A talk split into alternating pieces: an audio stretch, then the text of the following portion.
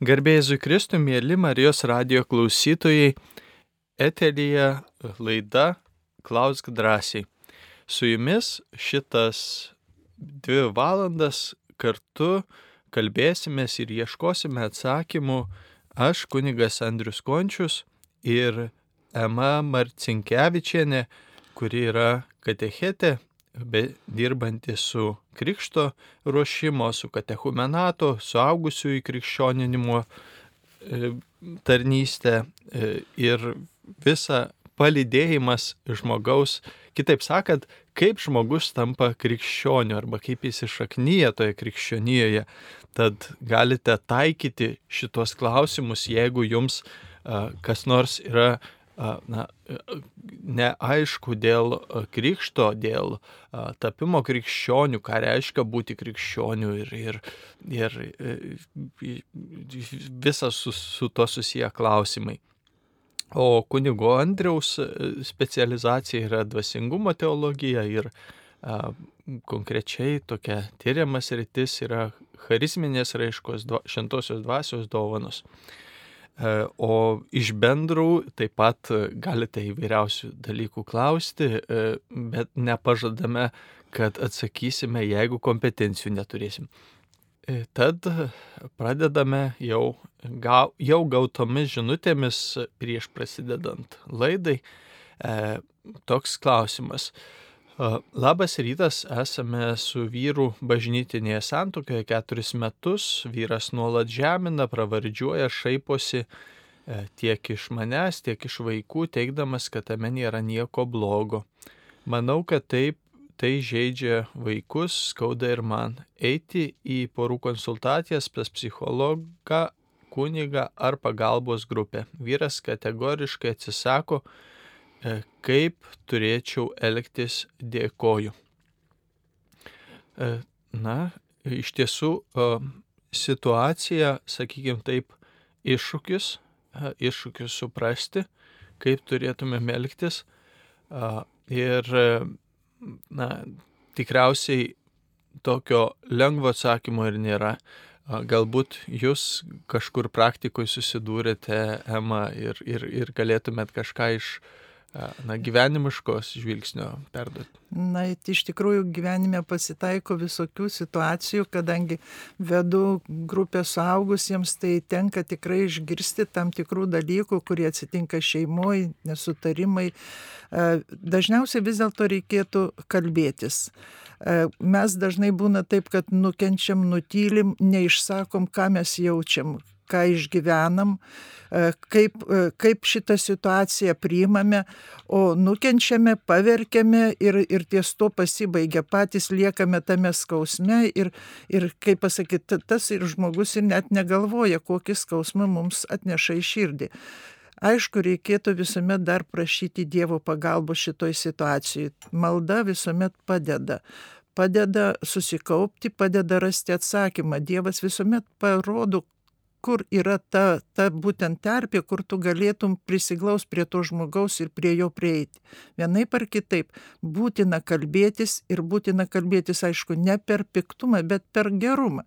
Ieškokim gėrio, pagirkim tą savo vyrą tada, kada galim jį pagirti, pasidžiaugkim jo kažkokiais gerais pasiekimais. Ir kai jis bus va tokioje geroje nuotaikoje, kada iš tikrųjų bus pakilėta nuotaika, jūs tada jam ir pasakykit, štai kaip malonu, kada tu būni štai tokioj geroj nuotaikoje, man gera su tavim būti, bet kaip man liūdna, kada būna priešingai. Galbūt susitarkim, galbūt pasikalbėkim apie tai. Manau, kad e, žmogus vis dėlto sugeba priimti gėrį ir sugeba susitarti suprasti, tuo labiau, jeigu jis yra jūsų vyras, tai tokiu atveju jis yra žmogus, kuris jūs myli. Tai turėtumėt rasti bendrą kažkokį tai e, sutarimą per pokalbį, per atvirumą ir žinoma per maldą. Ja, turbūt čia tas ir išreikštas sunkumas, kad sunku prakalbinti. Ir turbūt vyram psichologiškai yra tas dažnai sunkumas atsiverti arba pasipasakoti apie savo jausmus, tegul ir sunkius. Ir, ir, ir, ir, ir jo, ieškoti, ieškoti tos, to, to santykio, nes tik per, tik per santykį įmanoma iš, išspręsti kažkokius klausimus, o, O iš krikščioniškos pusės tai Jėzos vardu melstį, melstį, kad, kad viešpats duotų, duotų taiką ir, ir, ir gydytų tai, kas sužeista, nes kiekvienas žmogus, koks bebūtumėm, na, ne, ne, netinkamai besielgiantis vienaip ar kitaip, esame iš tikrųjų sužeisti, tie žmonės esame sužeisti ir, ir kažkuria prasme nesuvokiame, ką darome mes. Ir tai būna tam tikra tokia kaip asmeninė tragedija tam žmogui, kada jisai elgesi taip, kaip nenorėtų elgtis ir jis nieko negali padaryti. Ir, ir tai yra nu, tikrai sunki, sunki situacija, bet tiesiog jo, bet, bet ieškoti, turbūt tema gerai sako, ieškoti to būdo, kaip prabilti ir tikrai ne, ne per kažkokį tai nu, griežtumą arba arba kažkokios tai priemonės, bet, bet per, per santyki tikriausiai ieškoti to kelio.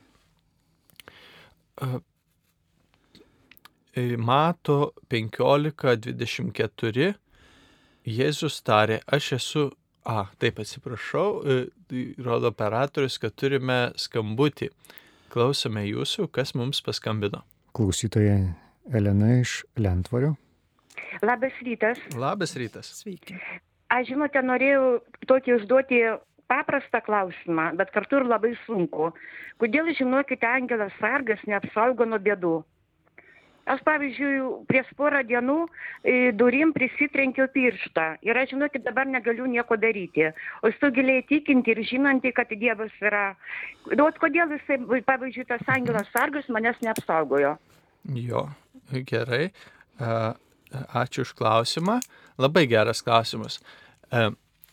Yra sakoma, kad e, Angelas Sargas visada e, saugo mus, kada e, vairuojame automobilį. E, tačiau, jeigu per miestą važiuojame virš šimto, e, tai Angelas Sargas išlipa iš automobilio ir leidžia mums važiuoti vieniems.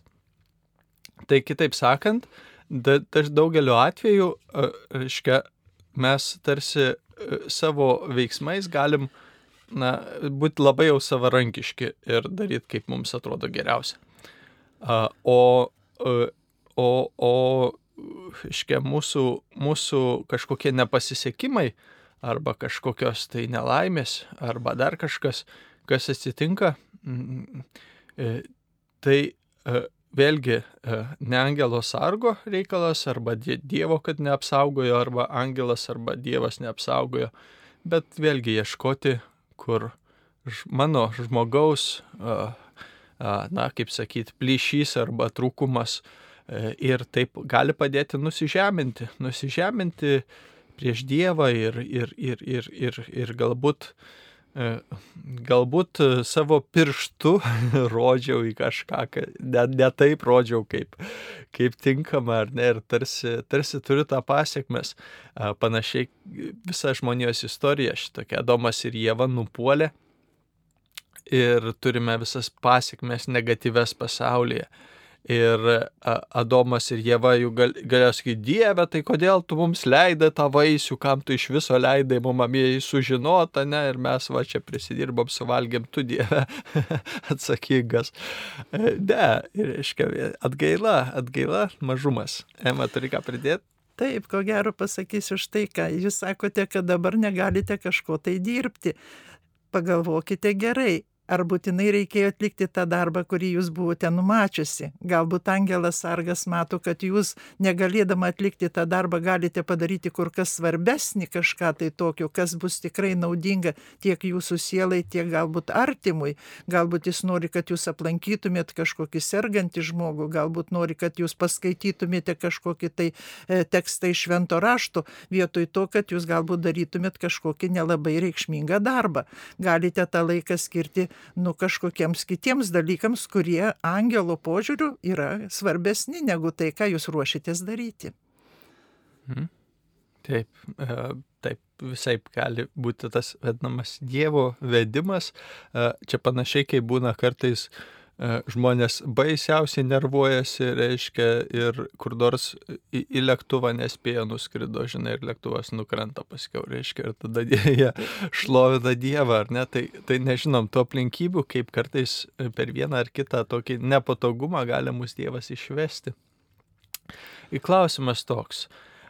Gerbėzui Kristų, jeigu žmogus yra netikintis, kaip jį laidoti jam mirus, su kunigu ar be? Dėkoju. Kaip jūs, Ema, laidotumėt savo kokį nors giminaitį, kuris yra netikintis? Nu, vis dėlto, jeigu žmogus netiki, reiškia, jis yra atmetęs, tai yra jo laisva valia. Jis atmetė santykių su Dievu, pasirinko kažką kitą. Tai reiškia, tokiu atveju mes neturėtume primesti jam to, kas buvo jo atmesta. Tai būtų gaunasi taip, kad mes, nu, išbarstom perlus ten, kur jam tikrai neturėtų būti barstomi. Vienai par kitaip, jeigu netiki žmogus, reiškia, tai buvo jo pasirinkimas, mes turime gerbti jo pasirinkimą, bet jam, reiškia, buvo taip patogu, jisai to norėjo, todėl neprimeskime jam savo požiūrį, žiūrėkime turbūt savo pirmiausia, taip. kokie mūsų santykiai su Dievu.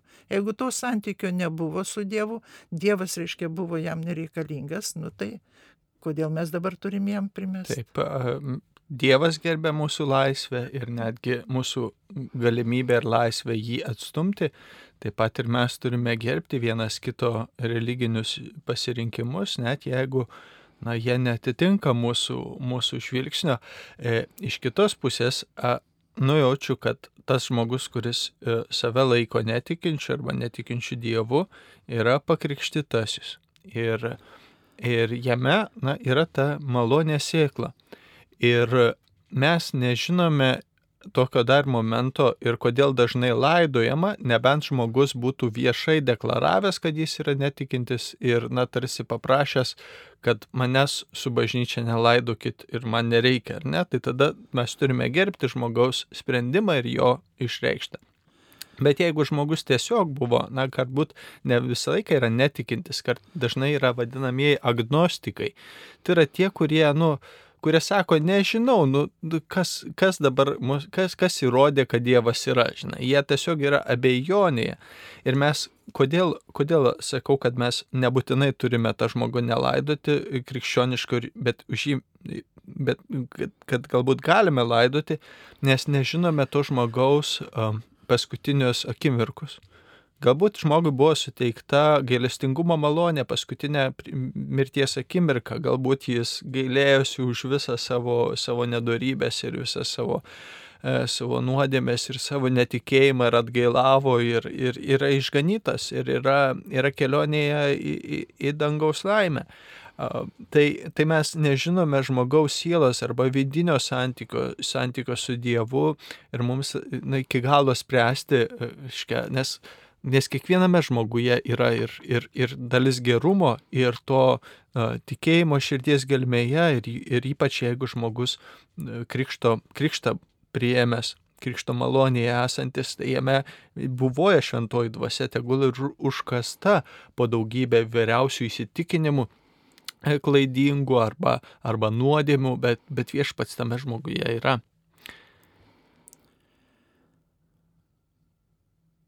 Mhm. Taip, žiūrim kitą klausimą. Ar galima ne katalikui, pasauliečiui, bažnyčiai pasirinkti aukų? Juk kanonai tokiam pasauliečiui negalioja, o valstybės įstatymai rinkti aukas nedraudžia. A, tai taip, a, prieš įstatymą turbūt nenusižengsit, ir bažnyčios kanonai galioja visiems katalikams, tai šitoj vietoje jau yra kebliau, bet man atrodo didžiausia būtų tau tokiam žmogui problema tai santykė su klebonu ir su viskupu. Nes iš tikrųjų bažnyčios kanonai gana ir bažnyčios nuostatos labai aiškiai reglamentuoja visas aukas. Beje, mėlyjeji, šventų mišių aukos neina į jokių, jokias asmeninės niekieno išlaidas, jos visos yra skiriamos na, rinkliavos vadinamosios. Mišių rinkliavos visos skiriamos kažkokiems parapijos reikalams arba e, kitiems dalykams bažnyčioje tarnystėje. Neseniai susidūrėme su kunigo priekaištu, kad maža auka už užsakytas mišes bažnyčioje darėm papildomą bankinį pavedimą, ar Lietuvos bažnyčiose yra nustatytos apieigų kainos, kurias galima rasti. Um, na, iš tikrųjų labai man net, net skaityti šitą, reiškia, situaciją, na, nemiela asmeniškai. E, Ema, nu, kaip jūs susidūrėte? Taip, ir, ir visiems turbūt nėra malonu, kada girdim kažkokius tai priekaištus e, tiek kunigui, tiek bažnyčiai, e, ypač liečiančias auką tai auka vis dėlto yra auka ir kiekvienas mes aukojame pagal galimybės, bet aišku, ne, neturėtume kartais nuvertinti, ar tai apieigos, ar tai nuvertinti, sakysim, pačių šventų mišių aukos, nuvertinti į labai jau tokį, kaip sakyti, įvertinimą nu, žemą, arba pervertinti. Visuomet turėtume rasti kažkokį tai aukso vidurį, ką kas būtų tikrai verta paukoti ir pasidžiaugti, kad mes galime Dievui padėkoti per savo šitokį būdą, per savo auką už e, atliekamą apėgą, už atliekamas e, kažkokius tai veiksmus bažnyčioje, kurie mums yra reikalingi, kuriuos atlieka kuningas, sakysim, ar tai būtų krikšto apėga, ar tai būtų santokos apėga, tai vienai par kitaip tai atima irgi kunigo ir, ir, ir laiką, ir, ir turi tam pasiruošti, ir nuvertinti visiškai šitą tą apeigą, tai turbūt nu, nu, nelabai būtų garbinga. Mes turime vis dėlto įvertinti e, tai, kas vyksta bažnyčia, nes bažnyčia gyvena ne, ne iš valstybės išlaikoma yra, bet būtent išlaikoma yra mūsų mhm. tikinčiųjų pastangomis. Tai Taip. Ir todėl turėtume į tai atsižvelgti ir pabandyti tą vertinimą nu, padaryti tikrai tokį, kuris atitiktų. E, taip, iš kitos pusės, iš mano kunigiškos perspektyvos atrodo, šito kunigo laikysena arba prašymas arba reikalavimas, kaip ten be pažiūrėsi, yra, yra, yra neteisingas šitas kunigas neturi teisės prašyti arba reikalauti aukos didesnės, negu, negu žmogus yra pasiryžęs arba nori paaukoti. Nes aukos principą, ta prasme, paneigia patį aukos, aukojimo principą. Kadangi žmogus gali laisvai aukoti tiek, kiek yra širdyje nusprendęs, daugiau ar mažiau, ar, ir, ir pagal savo išgalės ar savo, savo sprendimą. Ir, ir, ir, ir na, tiesiog šitoj, šitoj vietoj gaila, kad tai pasitaiko, bet kai kurie, dėja, bet kai kurie kunigai, na, vykdo tam tikrą, na, tai turbūt įvaidinčiau lupikavimą. Taip pasitaiko. Tai nėra vyraujantis, bet kai kuriuose parapijose gali, gali taip atsitikti, Tai mėlyjeji, reiškia, kviečiu ir visus nesipiktinti, suprasti, kad na, kunigai irgi kartais kovoja su savo e, kažkokiais polinkiais, savo nuostatom, savo, savo e, žmogiškais polinkiais. E, gal ir pasimelsti už tą kunigą Dievę, duok jam laisvę rasti, rasti džiaugsmą ir turtus kažkur, kur, kur, kurie nenyktų. E, Garbėzui Kristui svarbus yra krikštatėvių. A, turim skambutį, ar ne? Taip, gerai. Skambina Zita iš Kauno. Mėla Zita, klausome jūsų. Labas rytas. Labą rytą. Aš su tokiu pasiūlymu būčiau dabar, jeigu ar nebūtų galima, kadangi tikrai pas uh, tuos katalikus, lankytojus, parapiečius kyla labai daug klausimų. Dabar, kad ir šita laida, jinai trumputį, čia tik tai viena pusės, kaip sako, paaiškinimas. Ar nebūtų galima vieną kartą į mėnesį kiekvienoj parapijoje padaryti, nu, pavadinkim, kaip susirinkimą, susirinktų parapiečiai į bažnyčią ir būtų užduodami klausimai abipusiai. Jūs, pa, aš paklausiau, jūs paaiškino, ten vėl pakomentuoti, kad būtų toks abipusis bendravimas ir būtų daikai daug aiškiau žmonėm ir parapiečiam dėl to kad pas visus labai daug kyla klausimų ir savyje jie visi užslopinti o šita laidelė nu jinai tokia tokia abstrakti ten aišku jūs paaiškinat bet Ačiū, tai ačiū, už jūsų, ačiū už jūsų pasiūlymą. Iš tikrųjų, galima tikrai tą pasiūlymą perduoti ir vyskupui, kad parapijose pasiūlytų tokie, tokias, uh, uh, tokį um, klausimų ieškojimų. Daug yra tikrai žmonių, kuriem reikia atsakymų, galime ir asmeniškai nueiti pas kunigus, jeigu, jeigu turite klausimų, visada susikalbėti ir, e, na, turbūt yra dar taip, iš tikrųjų kiekvienoj parapijoje yra ne tik kunigai, bet yra taip pat ir katechetai, kurie yra baigę taip pat teologijos mokslus. Ir vienaip ar kitaip, jeigu kunigas užimtas ir negali tuos klausimus atsakyti arba padaryti štai tokį susirinkimą, jūs tikriausiai galite savo parapijoje kreiptis į katechetus, kurie toj parapijoje dirba ir su jais suderinti, kad jie jums pravestų tokį susirinkimą, paaiškinimą arba tokį susitikimą. Pavyzdžiui, kad ir aš pati vedu katechumenato programą, jos metu žmonės tikrai ateina, išklauso, klausia, domisi ir, ir tu gali tada žmogui padėti, paaiškinti e, visas tas situacijas, kurios jiems kyla dėl bažnyčios. Yra žmonių, kurie sako, aš tikiu Dievu, bet aš kažkodėl nenoriu eiti į bažnyčią. Ir tada pradedi aiškintis, kas Dievui yra bažnyčia, kaip Kristus vertino bažnyčią ir daugelį kitų dalykų. Todėl ir jūs lygiai taip pat iniciatyva tikrai puikiai, nuostabi, bet jūs galite pati paieškoti tų galimybių būti tas iniciatorius, kuris tai organizuosite, sumastykite, kurioje vietoje, kada ir tai galite nebūtinai daryti su kunigu, nes kunigai būna kartais užimti, bet tai galite daryti su katechetu. Taip ir jo, katechetai va, ir yra gyva e, liudininkė, galite, jeigu būsite šilainių parapijoje, jeigu esate, galite ateiti ir matote e, gy, gy, gyvas gyvenimo patirties ir, il, ir ilgos ke, kelionės liudijimas.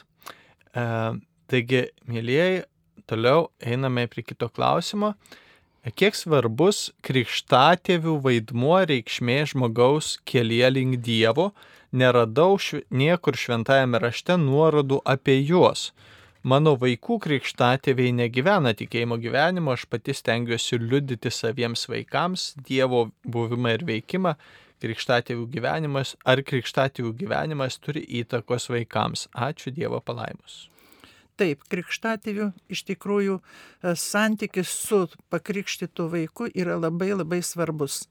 Todėl tėvai, kada renkasi krikštatėvius, turėtų labai rimtai į tai pažiūrėti, nes tai yra vaikui didelis pavyzdys. Kitas dalykas, krikštatėviai turėtų melstis už savo pakrikštytą vaiką ir taip pat domėtis to vaiko krikščionišku gyvenimu, nes krikšto metu tiek tėvai, tiek krikštatėviai įsipareigoja rūpintis to vaiko e, tam tikrą laikotarpį, kol jisai pats priims sprendimą e, būti gerų krikščionimi, tai atsitinka per sutvirtinimo sakramentą, bet nuo krikšto dienos iki sutvirtinimo dienos vis dėlto krikštatėviai neša labai rimtą atsakomybę tiek prieš Dievą, tiek prieš bažnyčią už to vaiko krikščionišką auklėjimą.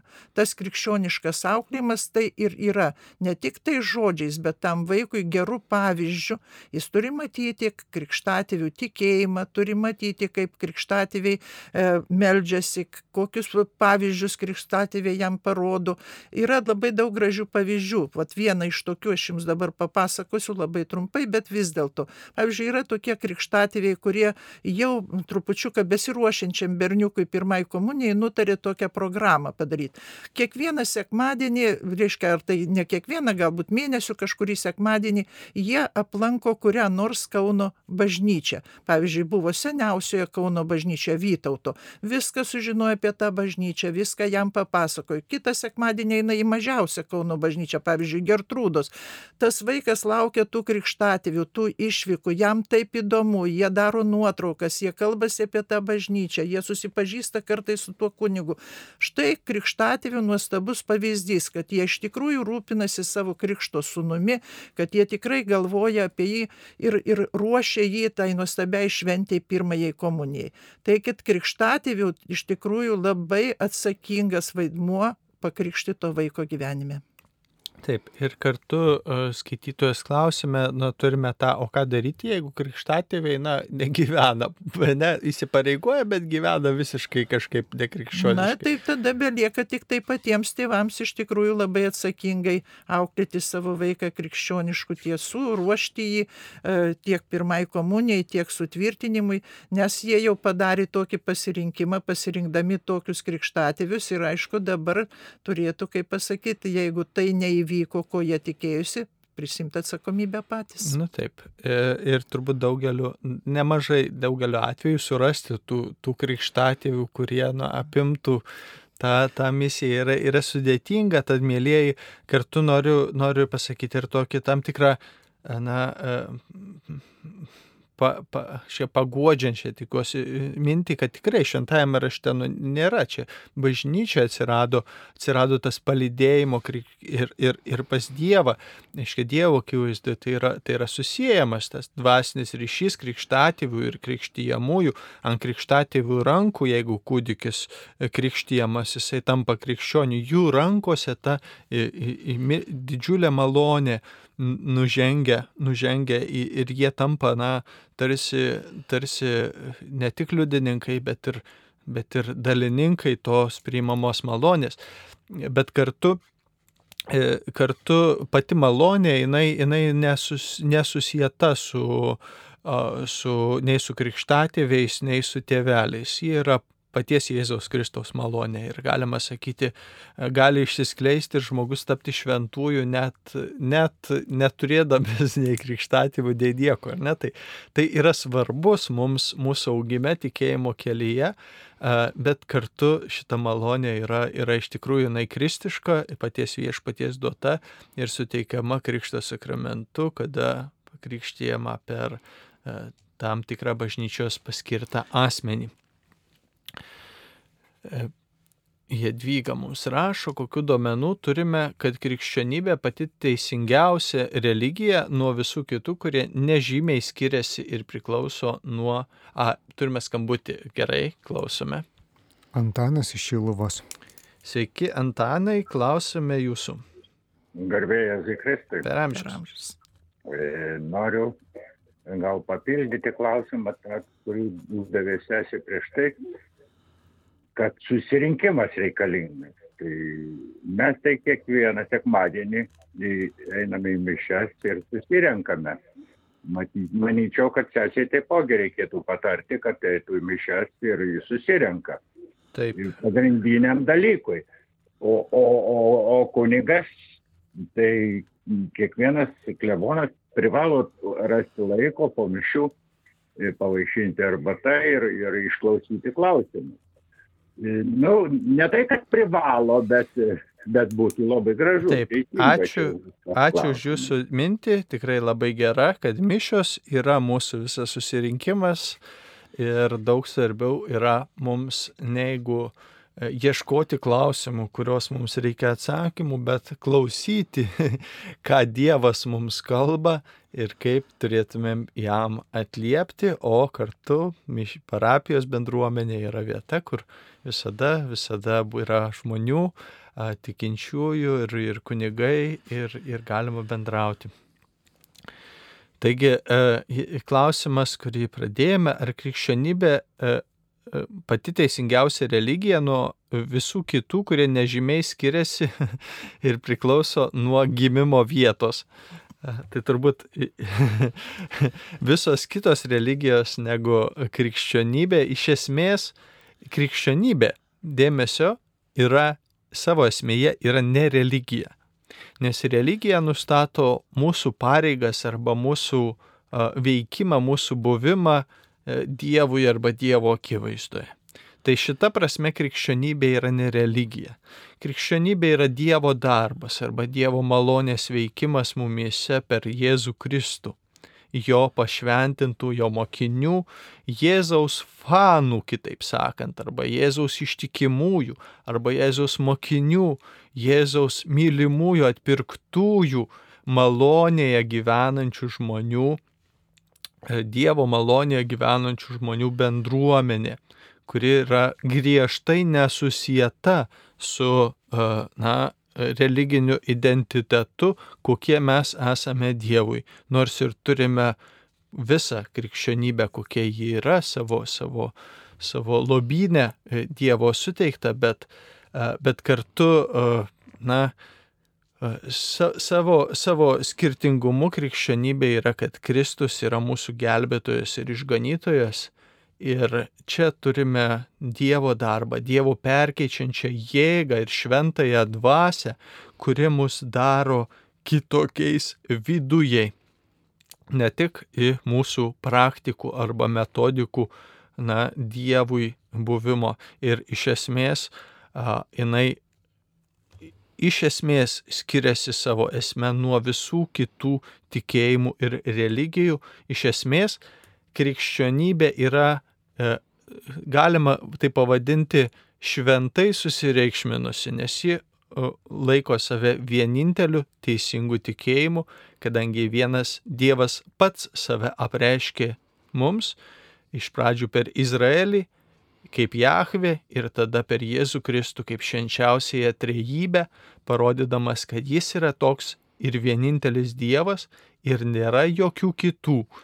Nei Buda nėra Dievas, nei kažkokie Krišnos nėra Dievai, nei dar kažkas. Yra vienas Dievas trijose asmenyse ir jis save preiškia per Jėzų Kristų ir per Šventąją Dvasę ir per krikščionių bendruomenę. Taigi šita prasme išganimą yra vienintelis kelias, ar gali kitų tikėjimų žmonės kažkokiu būdu pasiekti per savo sąžinę ar per savo troškę gyvenimo pasirinkimus išganimą. Bažnyčia sako taip, tikriausiai gali, e, bet mes ne, nežinome, ne, nes su kiekvienu žmogumi yra Dievas. Tai yra Dievo malonė, tai yra didžiulė Dievo dovana. Ir tikrai, kaip pasakyti, ne mes ieškome šiuo atveju Dievo, bet Dievas leido mums pats save pažinti, jis mus pats prakalbino ir pats mums atskleidė savo tiesas. Mes iš tikrųjų visą tai randame jo atskleista mum. Ne, ir, kitose religijose ieškomas Dievas, o mūsų Dievas pats mums save apreiškė. Tai yra didžiulė malonė, didžiulė Dievo dovana. Ačiū. Ir turime skambutį. Gintas iš Vilniaus. Sveiki, gintai, klausome jūsų. Garbėjai Jėzui Kristui. Per amžius. Per amžius. Turiu porą konkrečių klausimėlių. Vieną kartą kažkaip Facebook'ui žiūriu prisijungęs tėvas Kazimieras Brilius ir parašiau klausimėlį. Tai jis davė nuorodą jo referentui ir jo referentas Valdemaras parašė man gal dešimt laiškų, gal daugiau, bet konkrečių tokių su nurodymais. Ir vienas buvo pasiskaityti moralinės teologijos vadovėlį. Tai tų vadovėlių aš ieškojau Lietuvoje, Klaipėdos berots universitete išlikęs yra vienas. Negavau to vadovėlio. Klausimas. Įvedžiau į Google moralinės teologijos daktaras, išmetė tik du žodžius. Tai suprantu, du kunigus. Vieną kunigą, kitą vyskupą, esantį Lietuvoje. Tai aš suprantu, kad kunigų seminarijoje praeina disciplinas ir moralinė teologija, bet noriu paklausti, kiek yra specialistų, kurie apsigynė disertacijas moralinės teologijos tema, nes, na, nu, aš kiek supratau, tai yra labai svarbu atsakytų į daugelį klausimų, nes žmonės, nu, susikuria savo kažkokią tai moralę ir paskui uždavinėja klausimus. Tai vat vienas, kiek yra maždaug specialistų moralinės teologijos. Ir antras klausimas, apie mirusius žmonės čia kalbėjo, kaip yra su tokia pavyzdžiui, nu, atgyvena ten tėvai ir vaikai, kai mes numirsim ten taip, taip ir taip, nu, maždaug savo valią. Ir staiga numiršta ir vaikai tada pasielgia kitaip. būna, kad sudegina kūną, arba, pavyzdžiui, turto atžvilgiu, padaro taip, kaip jiems patinka. O kaip čia nusižengimo atžvilgiu mirusiojo valiai? Ačiū. Mhm. Gerai. Um, Taip, tai moralinės teologijos specialistų, e, kurie studijavę e, Lietuvoje, neturime studijų, tikslinių studijų moralinės teologijos, dažniausiai vyksta į užsienį, ar, ar kunigai, ar, ar kiti specialistai, kurie nori šitą discipliną studijuoti. Moralinė teologija yra labai svarbi bažnyčioje kadangi na, jinai iš esmės kertiniai atsako iki smulkmenų į mūsų gyvenimo na, tuos dalykus, kaip mums pagal Dievo valią gyventi praktikoje. Taigi tų specialistų turime Taip ir viskupų ir kunigų tikrai nepasakysiu skaičiaus, neskaičiavau ir ne, nežinau, ar kas nors yra padaręs tokią statistiką apklausinėtą ir, ir kitų tikinčių, kurie studijavo, bet tų specialistų tikrai yra. Ar jeigu jų būtų daugiau, bažnyčioje kažkaip mes didesnį aiškumą turėtumėm, turbūt nebūtinai, nes a, pokytis žmogaus moralinio gyvenimo, paprastai ateina ne dėl gilių įtikinimų apie moralinės tiesas, bet per malonę ir per dažnu atveju per gyvenimo liudyjimą. Tad yra gera, yra svarbu, labai svarbu su, suvokti bažnyčios moralinės tiesas ir, ir, ir, ir, ir moralinė teologija yra, yra, yra nuostabus mokslas, mus tiesiog gaivinantis, bet kartu kartu remiamės e, ne intelektu, remiamės, remiamės malonę.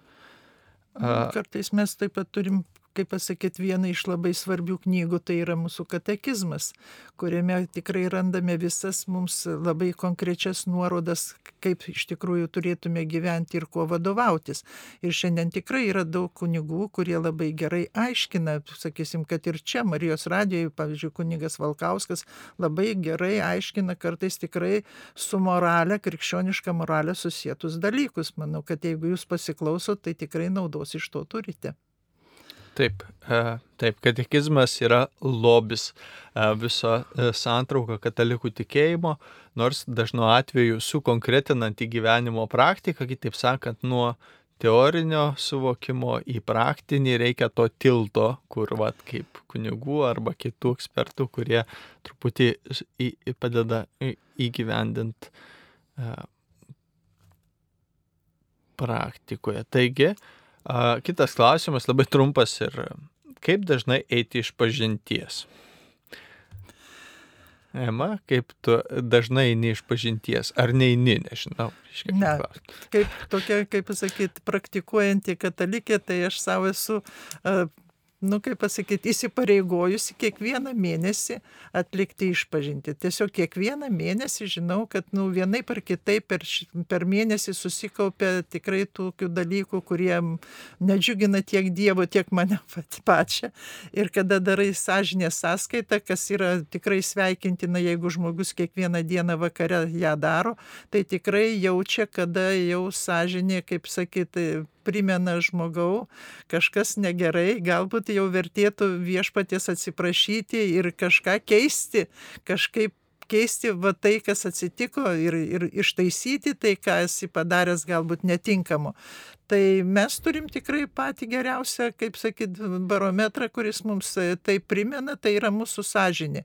Ir Dievas per sąžinę mums tikrai kalba. Ir jeigu jaučiame savo sąžinėje, kad tikrai esame, nu, prieš Dievą nusižengia ir įskaudinę viešpati, įskaudinę galbūt artimą, manau, kad tikrai nevertėtų laukti kažkokios ypatingos progos, ten Velykų ar tai Kalėdų laikotarpiu, kada ten eisiu ir atliksiu. Va tą pačią dieną. Jaučiu, kad negerai, bažnyčia tikrai atvira, tiek kiekvieną dieną galiu ateiti ir su viešpačiu susitaikyti tada jausiuos laisvas ir, kaip pasakyti, nepriklausomas nuo savo nuodėmių. Taip, e, iš tikrųjų išpažintis yra didelė malonė Dievo, kaip šiandien Faustina Jėzus parodė, pasakė, kad tai yra Dievo gailestingumo sostas, nuo kurio jis dalina savo atleidimą išlaisvina širdį sielos iš visų nuodėmės naštų ir tikrai yra malonė prieiti iš pažinties, nuo širdžios. Ir turiu pripažinti, kad iš kunigiškos e, tarnystės e, žvilgsnio e, nesu labai didelis toks palaikytojas tos, kas vadinama tarifinė išpažintimi, nors suprantu, kad tai yra svarbu turėti tam tikrą įprotį arba aiškia, nuostata, kad laikas nuo laiko, ar kas mėnesį, ar kiek, kad jau reiktų nueiti iš pažinties, kai kurie prastai arba yra kas mėnesį tas nusistatę žmonės, arba nu, tie Velykiniai kalėdiniai vadinami ant didžiųjų švenčių prieina susitvarkyti kabutėse. Tai, e, tai man e, kartais sielvartas tikrai širdį būna e, tų, tų išpažinčių klausant, nes žmogus neatėjo iš tiesų susitikti su gyvuoju Dievu, jo atsiprašyti, patirti jo malonę ir atsivertimą, bet tiesiog ateina susitvarkyti, nes vat, reikia tą padaryti ir atrodo, na, tu gali pasisemti iš šitos malonės, iš šito sakramento daug daugiau, daug daugiau malonės iš paties gyvojo Dievo, nes kiekvienoje iš pažinties žmogų klauso pats Jėzus. Pats Jėzus pasitinka ir klauso žmogų ir žmogus jam pasakoja ir, ir tai būna, e, sakau, kartais tas sielvartas, kur žmogus nebuvo metus iš pažinties ir nieko blogo nepadarė, žinai, nu gal ką sukeikė, arba sekmadienį mišiuose nebuvo, bet šiaip žmogus nieko blogo nepadarė. Kai aš galvoju, aš iš vienos dienos Dieve tau daugiau savo nuodėmių galiu papasakot. Tai tiesiog norisi tą, kad, na, atrodo, žmogus atrastų tą, tą lobį ir kad čia ne Dievui ir ne bažnyčiai to reikalinga, kad eitumėm iš pažinties, bet pačiam žmogui jo vidiniam santykiui ryšiui su Dievu ir tam dvasios ir sielos gyvybei ir galiausiai išganimui, nes nuodėmė mus atskiria ne tik nuo santykio su Dievu, su savimi ir su kitais žmonėmis, sukurdama tam tikrą susvetimėjimą ir atsiskyrimą, bet pirmiausia, pirmiausia mūsų sielą atskiria nuo išganimo ir Dievo malonės ir tai yra, tai yra labai rimta, nes tai gali lemti mūsų amžiną gyvenimą arba amžiną pražūtį. Turime skambutį. Antanas iš Kelmės. Sveiki, Antanai, klausome jūsų. Garbėsiu Kristui. Per amžius. Aš noriu paklausti tokį dalyką. Va, aš turiu šit katalikų bažnyčios katekizmą, kur 290 puslapį parašyta, cituoju, nėra tokios sunkios kalties, kurios šventoji bažnyčia negalėtų atleisti. Tai kaip čia yra? Juk, pavyzdžiui, nuodėmė prieš šventąją dvasę net leidžiama, net leidžiama ir žmogžudžiams, o čia rašo, kad nėra tokios sunkios kalties. Paaiškinkit man. Ačiū iš jūsų klausimą. E, iš tikrųjų, e, nuodėmė e,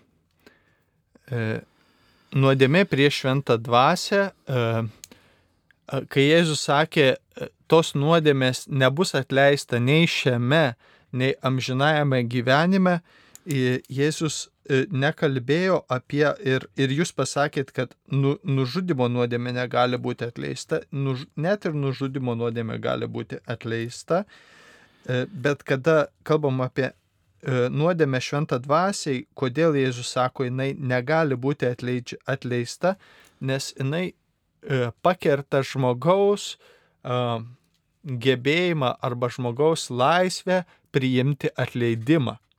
Nuodėmė šventai dvasiai yra absoliutus žmogaus pasirinkimas atstumti Dievą ir jo malonę ir tikėjimą. Dievas yra daug didesnis džentelmenas mūsų žmonių atžvilgių negu mes jo.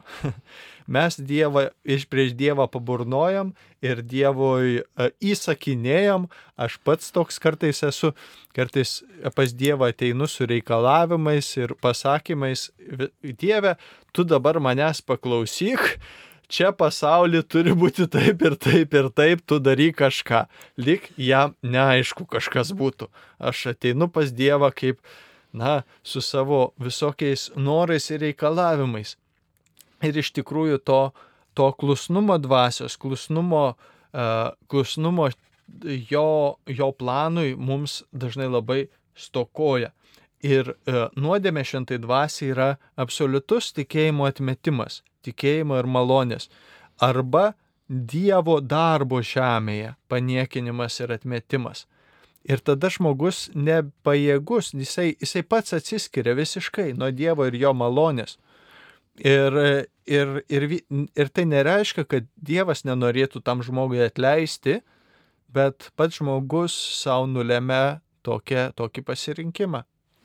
Taip, iš tikrųjų visos nuodėmis gali būti atleistos viešpatis, kada mes juo pasitikim, pasitikim jo gailestingumu ir dėl savo šitokio, sakysim, veiksmo, nuodėmės, sunkios nuodėmės, jeigu labai labai nuoširdžiai gailimės, jeigu tikrai darome nuoširdžią atgailą, atsiprašome Dievo, stengiamės pasikeisti, stengiamės atlyginti padarytą žalą e, tiems, kam galbūt mes nusidėjome, tai tas mūsų gailestis tuo pačiu pasitikėjimas didžiulis Dievu, jo gailestingumo e, atleidžia šitą nuodėmę. Kartais būna kita situacija, pavyzdžiui, man teko susidurti su viena moterim, kuri sako, aš nenoriu eiti ir atlikti iš pažinties kunigui, aš geriau ateisiu į bažnyčią, atsisėsiu, viską Dievui išsakysiu švenčiausiame sakramente, kuris yra altorija, aš viską, viską jam pasakysiu, nuoširdžiai pasigailėsiu, o iš pažinties aš nenoriu eiti. Man atrodo, kad bus labai gerai, jeigu aš viską, viską jam papasakosiu, argi Dievas nemato mano širdies, ar manęs nesupranta. Tai aš norėčiau, kaip pasakyti, iš katachetės pusės pasakyti, kad taip, va, tas pokalbis, tas nuoširdus išsakymas, tai bus tikrai nuoširdi malda, bet tai nebus sakramentas. Nes sakramento jėga yra visai kita. Ir viešpats, kaip žinote, yra įkvėpę šventąją dvasę būtent apaštalams ir jiems yra pasakęs, kas, kam jūs atleisite nuodėmės, tiem jos bus atleistos, kam sulaikysite, bus sulaikytos. Reiškia, jiems buvo duota teisė teisė, jiems duota gale ir dabar kunigų yra šventinamos rankos, jie yra įpareigoti Jėzaus vardu atleisti arba sulaikyti. Todėl mes turime pasitikėti štai Jėzaus paliktų šiuo sakramentu ir jo gale, o nedaryti kažkokias savo išvadas, kad aš va pakalbėsiu viešpačiai, papasakosiu ir to užteks, man nuodėmės bus atleistos. Tai bus tik malda, turite tai va kažkaip apmastyti šitą dalyką. Ačiū. Būna kunigai sako, kad kalbomis geriau nesimelisti. Čia kalba tikriausiai apie maldos kalbomis dovaną šintosios dvasios, jei nėra kalbų aiškintojo. Ar galite pakomenduoti plačiau 1 korintiečiams 14, 26, 40 apie susirinkimų tvarką, juk čia sakoma, kad nedraustume kalbėti kalbomis.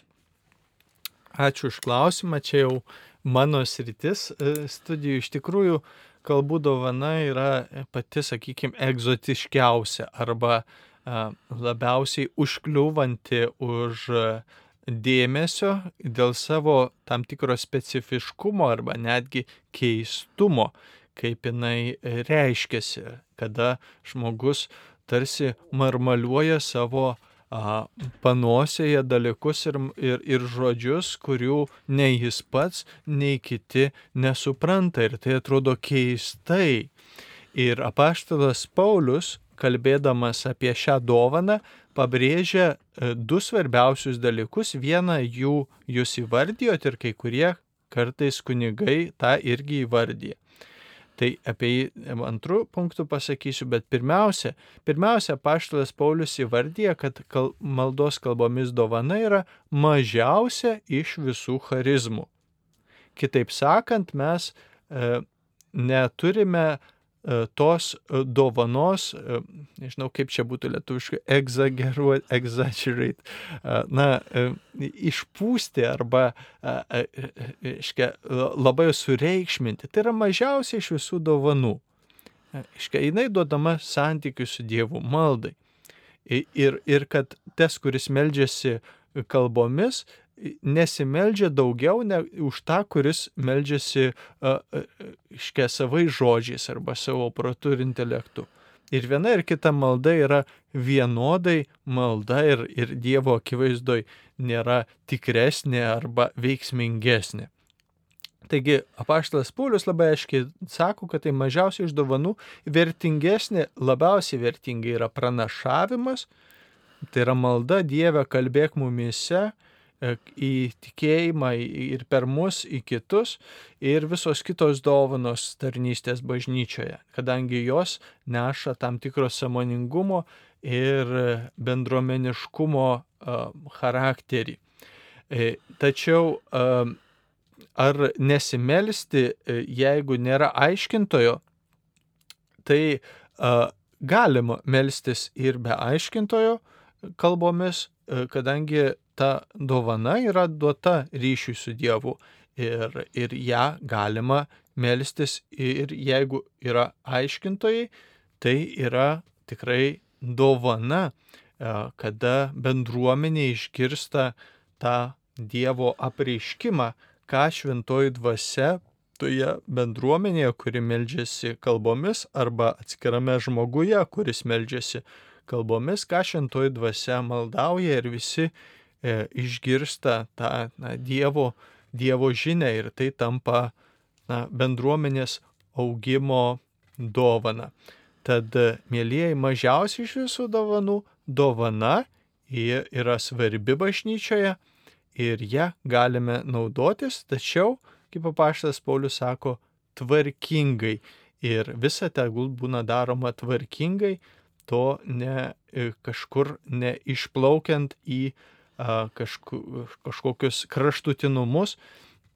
Ir e, dar vienas momentas, kuris su kalbų dovana, kad kai kurie žmonės sako, jog tas vadinamas glosolalija arba tas marmeliavimas, kaip kiti sako, kuris atrodo tikrai keistai iš šono, kad tai nėra a, sėkminių arba paštalinė bažnyčios a, malda, a, kad čia tiesiog atsiradusi per tam tikras judėjimus bažnyčioje 20 amžiui.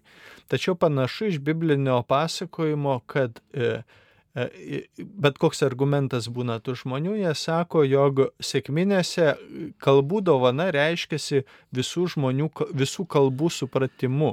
Tai yra tas Babelio a, prakeikimo at, at, atkūrimas arba atstatymas, kada žmonės skirtingomis kalbomis visi supla, suprato tą pačią Dievo žinę.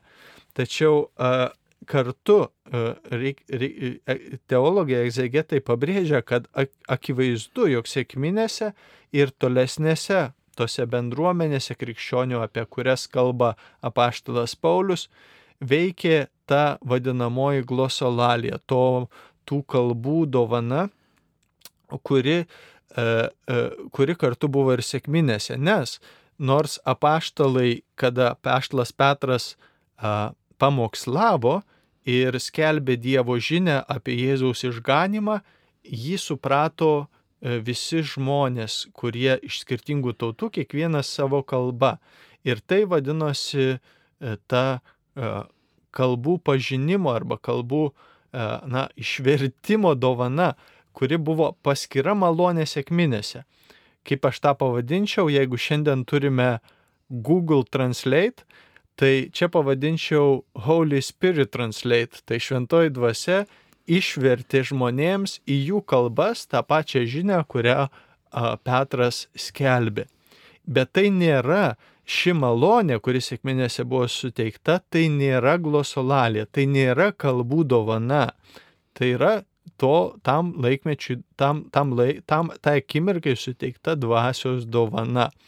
O apaštalai taip pat kalbėjo kalbų, kalbomis, kadangi kada žmonės susirinko ir matė juos, visai kalbant kalbomis, šlovinant Dievą ir pranašaujant ir visai kitaip reiškintis, jie tikrai pagalvojo, kad jie prisigėrė. Nes jeigu kas nors matėte kalbančius kalbomis, nu jie atrodo tikrai keistokai, sakykim taip. Nu taip na, kažkaip nelimpa tarsi į mūsų tokią tradicinės formas, reiškia, ir atrodo, nuo, nuo šalies žiūrint, atrodo keistenybė. Ir, ir, tai ne, tai, ir, ir, ir tai nebūtinai reiškia, kad čia kažkas su tuo yra negerai, bet tiesiog yra, yra tokia na, savita dvasios raiška, kuriai neturime dar kartą, neturime suteikti kažkokių ypatingų, na, sureikšminimų. Tai va, čia truputį praplečiau iš savo tos srities. Tai. Ar jūs kur praktikoje susidūrėt gal emas? Taip, esu susidūrus dažniausiai čia, kada būna atsinaujinimo dienos, e, tai mes girdime e, taip melžiantis gyvuosius akmenis ir, ir, ir ta, tas toksai panašus kažkas e, garsas į, į balandžio burkavimą, kažkas tokio ir žmonės tie, kurie nebuvo patyrę, tai aišku žiūri taip kažkaip keistai. Arba būna žmonių, kurie sako, kodėl aš negaunu tokios dovanos. Va, prašau, bet Dievas man neduoda ir taip toliau. Reikėtų savęs paklausti, o gal Dievas tau davė kažkokią kitą dovaną, kurios tu nepastebi, už kurią tu Dievui nedėkoji. Galbūt jis tau davė kažką kito, ką tu gali tikrai panaudoti e, Dievo garbė ir bažnyčios naudai. Galbūt tu, tu supranti gerai šventą raštą, galbūt tu gali e, tarp žmonių kalbėtis apie tai. Tai mes visi turim kažkokią tai Dievo dovaną duotą, turim ją atpažinti ir būti naudingi viešpačiui e, tiek ir jo įkurtai bažnyčiai. Tęsiasi laida Klausk drąsiai. Mūsų drąsuolių klausėjų būrelis. Ir melžiame viešpatį, kad kalbėtų mums į širdis ir į gyvenimus. Jūs šitoje laidoje palydė kunigas Andrius Končius ir Ema Marcinkievičianė katechetė. Kartu ieškome atsakymų. E, turime dar žinučių eilę, kurių, kurių E, kurias gavome, jas sieksime atsakyti. Taigi, kita žinutė. Jei žmogus e, policijos teigimu nusižudė, bet nėra rastas atsisveikinimo laiškas, kaip į tai žiūri bažnyčia. Na, toks klausimas, ne, ne iki galo aišku, kaip žmogus, ką žmogus nori to klausimu pasakyti, bet a, šita tragedija, asmeninė žmogus tragedija, kad žmogus, kada žmogus nusprendžia pats savo nutraukti gyvybę yra Lietuvoje dėje, bet yra da, dažnai pasitaikantis. Ir jeigu policija teigia, kad taip žmogus tokį, tokį veiksmą atliko savo atžvilgiu, tai tikriausiai tai yra nu tikra. E, ir nesvarbu, ar laiškas buvo ar nebuvo, o bažnyčia patiki visus, e, visus žmonės Dievo gailestingumui ir e, žmogaus silpnumas, ir žmogaus varganumas dvasinis ir prišlėktumas yra, gali, gali atvesti į, į tikrai, na, būti, būti priežastis daug, daug sunkių, sunkių ir neteisingų sprendimų savo gyvenime, taip pat į savižudybę. E, šitiem žmonėm, kurie yra varginami savižudybės minčių, E, jiems labai dažnai, e, kas svarbiausia tiems žmonėms? Svarbiausia yra kalbėtis. Nes dažnu atveju žmogus užsiblokuoja ir nešiojasi savytą visą sunkumą ir dažnai aplinkiniams visi nustembas, taiga žmogus nusižudė, žinai, ir visi kaip jisai galėjo, visada šypsojosi su visais bendravo, žinai, o jisai niekada nepasidalino tas iki galo, kas vyksta jame. Taigi nuolankumas, tiesoji viešpatie, va, mane vargina šitai, šitai, šitai. Broliai, reiškia, kalbėtis, dalintis, tai yra labai, na, toks svarbus momentas. Ir kartu bažnyčia žiūri gailestingai ir neteisia nei vieno, vienas Dievas žino, kur keliaujam po iškeliavimo savo po mirties, melžiame gailestingumo visiems. Turime skambutį. Lina iš Kupiškio. Gerbėjai Jėzui Kristui. Mėla Lina, klausome jūsų, sveiki. Pirmiausia, tai norėjau paklausti. Labai aktualus man klausimo vieno, paskui jeigu, jeigu liks laiko ir, ir kitų. Litanijose yra žodis Kristė parašyta esu girdėjusi, liktai sako Kristė. Ar, ar, kai, ar kai parašyta reikia skaityti, ar Kristė. Suprantate, kokį žodį turi omenyje? Kristė Leison. Iš pradžių kaip yra, Kirija Leison, parašyta tada, tada Kristė Leison, tai vad ar Kristė, ar Kristė, liktai esu girdėjusi, gėda liktai Kristė. Nes man tai labai aktualu, kažkaip norėtųsi tiksliai, nes nei, nei tą dvasę dar, dar kreipsiuosi tada, jeigu ne taip. Labai esu užmeniškai. Ačiū, gerai. O antras klausimas? O atsiprašau, bet aš nežinau, kaip sakyti. Tai vertimas yra į lietuvių kalbą. Jeigu mes paimam, žiūrėkit, lietuviškai sakom viešpatie pasigailėk, Kristau pasigailėk ir viešpatie pasigailėk. Tai kyrėje leison mes sakom, kas tai yra išversti mane. Viešpatie pasigailėk, ne? Kriste eleison sakom, Kristau pasigailėk. Taip, atsiprašau, bet aš tai, atsiprašau, jūs nutraukiau. Jo, tai jūs galite, a- galite kaip skaityti Kristė, Kristė, nes yra Kris, a, arba Kristė. Nusia, nu, tai esmės nekeičia. Nekeičia. Kodėl nekeičia? Nes mes, e, mes nežinome iki galo, kaip turėtų. Iš tikrųjų, aš negaliu pasakyti, ar Kristė, ar Kristė, nes e, e, na, lotyniškas pasakymas, čia reiktų į l- lotynistus e, kreiptis ir, ir pasi, pasiklausti lotyniškai, kaip taisyklingai būtų tarti. Aš tikrai dabar ne, negaliu pasakyti, ar taip ar tai būtų taisyklingai, tačiau iš krikščioniško žvilgsnio, ar taip ar taip pasakysime, svarbu savo širdim, kad į Kristų kreipiatės ir tai yra užskaitoma jums teisumu. Gerai, o antras matote, klausimas. Aš dar norėčiau paklausti, e, tai va, žodžiu, o gal čia kunigas Sikorskas tas lotinistas būtų, ar ne? Galite Sikorsko pasiklausti, jums taisyklingai pasakys, kaip tarti. Aha, gerai, la, labai ačiū. O, o dabar tiesiog e, čia kaip ir toks pamastymas būtų. Šiandien dienos žodis. Pirmiausia, tai labai dėkinga Jums esu, kad Jūs paaiškinote, man, manau, teisingai parodėte pavyzdį, kaip reikia iš tikrųjų aptarti Dievo žodį. Jūs pas, pasakėte, kažkada su grupė buvote, e, žodžiu, kaipgi ta laida vadinasi, pokalbį prie Biblijos. Tik vieną kartą buvote labai gaila. Jūs aptarėte visus šitos skaitinius.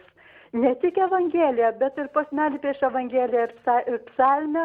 Ir aš manau, kad tai yra labai labai teisinga, nes dabar tik paprastai tik Evangelija. Na, ne, ne visi, bet ir kartais, o mums reikia tą, rei- reiškia, pagrindinę mintį žinoti. Atrodo, kiti skaitinėti li- liktai niekas kažkas. Taigi skaitomi tai visi. Atsiprašau, kad aš truputėlį karščiuojasi, bet aš manyčiau, kad turėtume visus, jūs pratėte pavyzdį, visus skaitinius šitos Taip. ap, aptarti. Ir tą, Taip, ačiū Jums, ačiū Jums Tai va. tikrai už šitą e, priminimą. Tikrai yra e, mišių skaitiniai, yra integralūs e, tos dienos. Skaitinys, psalmė, Evangelijos priegesmis ir e, kuris atrakina Evangeliją ir tada pati Evangelija yra tam tikra, na, ta bendra žinutė. Tiesa, kai kurie eilinio laiko uh, skaitiniai, e, sekmadienio skaitiniai ir švenčių skaitiniai visi turi tą integralią žinutę. E, Skaitinys, psalmė, Evangelijos priegesmis ir, e, ir antras skaitinys, ar ne, ir, ir, ir jie persidengia ir atrakina mums žinę. Eiliniu laiku kai kurie e, skaitinys su, e, su Evangelija ne, neturi bendros žinutės. E, kadangi tiesiog einama per švento rašto skaitimą paeiliui. Senojo testamento ir Naujojo testamento evangelijų. Ir vieną ir kitą einama paeiliui. Taigi tada negalime arba mums reikia išieškoti tų bendrų konotacijų, kurios, kurios mums atsirakina. Bet sekmadienio žiniose, žinioje evangelija visą laiką yra tas ir jo, ir raktinis žodis. Tai Dabar dėl klausimų Chiristė Leison ar Kiel Leison, dabar kaip tik mėginu paskambinti lotinistui Stanislavui Poniskaičiui, kuris e, e, e, dėsto lotynų kalbą ir pasitikslinsime, kad visi išgirstume ir būtų aiškumas. Pažiūrėsime, ar atsilieps, jeigu yra šiuo metu prie telefono ir gali išklausyti. O žiūrime kokią kitą žinutę.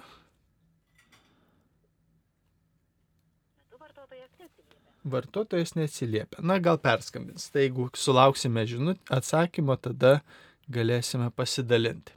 Uh, dabar kitas klausimas. Ar Dievas gyvena bažnyčiose ar žmonių širdise ir ar Dievui reikalinga siela, ar brangus ritualai, už kurias turės mokėti bažnyčios lankytojai. Ema, kur Dievas gyvena? Dievas yra visur, tiek mūsų širdise. Mes patys esame Dieve ir Dievas mumise. Bažnyčia tai yra vieta, kur mes susirenkam visi kaip bendruomenė, pabūti kartu su juo ir pasisemti jo malonių. Tai yra, turėtume žiūrėti į bažnyčią irgi kaip į bendruomenę susirinkimą. Tai yra vieta, kur mes visi bendraminčiai, visi Dievo vaikai susirenkam tam, kad pabūtume viešpaties akivaizdoje ir gautume iš jų jo mums teikiamų malonių, tiek išgirstume jo gyvą žodį ir, ir taip pat pasisemtume tos jėgos iš Euharistijos, iš buvimo kartu. Tai yra artimo meilę parodyti vieni kitiems, palinkėti ramybės. Tai, tai yra pagrindinis mūsų susitikimas bažnyčioje, o šiaip Dievas yra su mumis visada. Mes esame prieš Dievą visuomet jo akivaizdoje. Kažkaip visai neseniai vienos konferencijos metu girdėjau tokį pasakymą. Visuomet galvokime, kad mano viešpats stovi štai prieš mane, akis į akį, veidas į veidą. Ir, ir turėtume va taip visuomet bendrauti su viešpačiu, kuris yra čia ir dabar su manimi ir manyje. Taip, ačiū. Ir iš tikrųjų norėčiau praplėsti tavo mintį, kaip Dievas yra visur nes dabar labai populiaru tokia New Age-iška vadinama taip, taip, taip. emanacijos teorija, kad Dievas yra visur ir netgi pati visata yra Dievas ir, ir dar visokių nesąmoningų.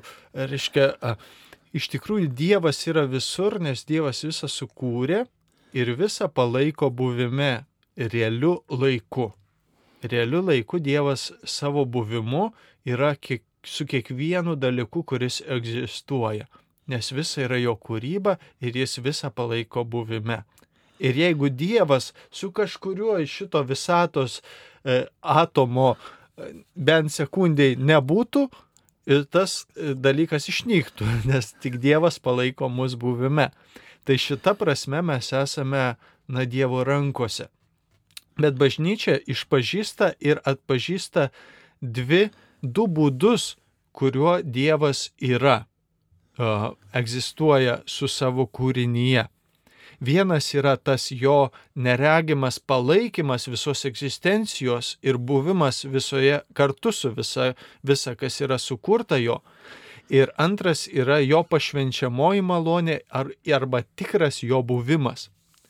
Tai Dievas yra visur ir su visko, kas yra, bet tikru savo buvimu, tikru savo a, prezencija, tikra savo akivaizda, tikra savo būties E, esatimi, panašiai kaip mes galime savo mintimis būti daug kur, dabar savo mintimi galime nukeliauti kur nors į, į Prancūziją prie Eifelio bokšto arba Australiją, e, bet mes savo mintimi tarsi palaikome tą vietą, ar ne?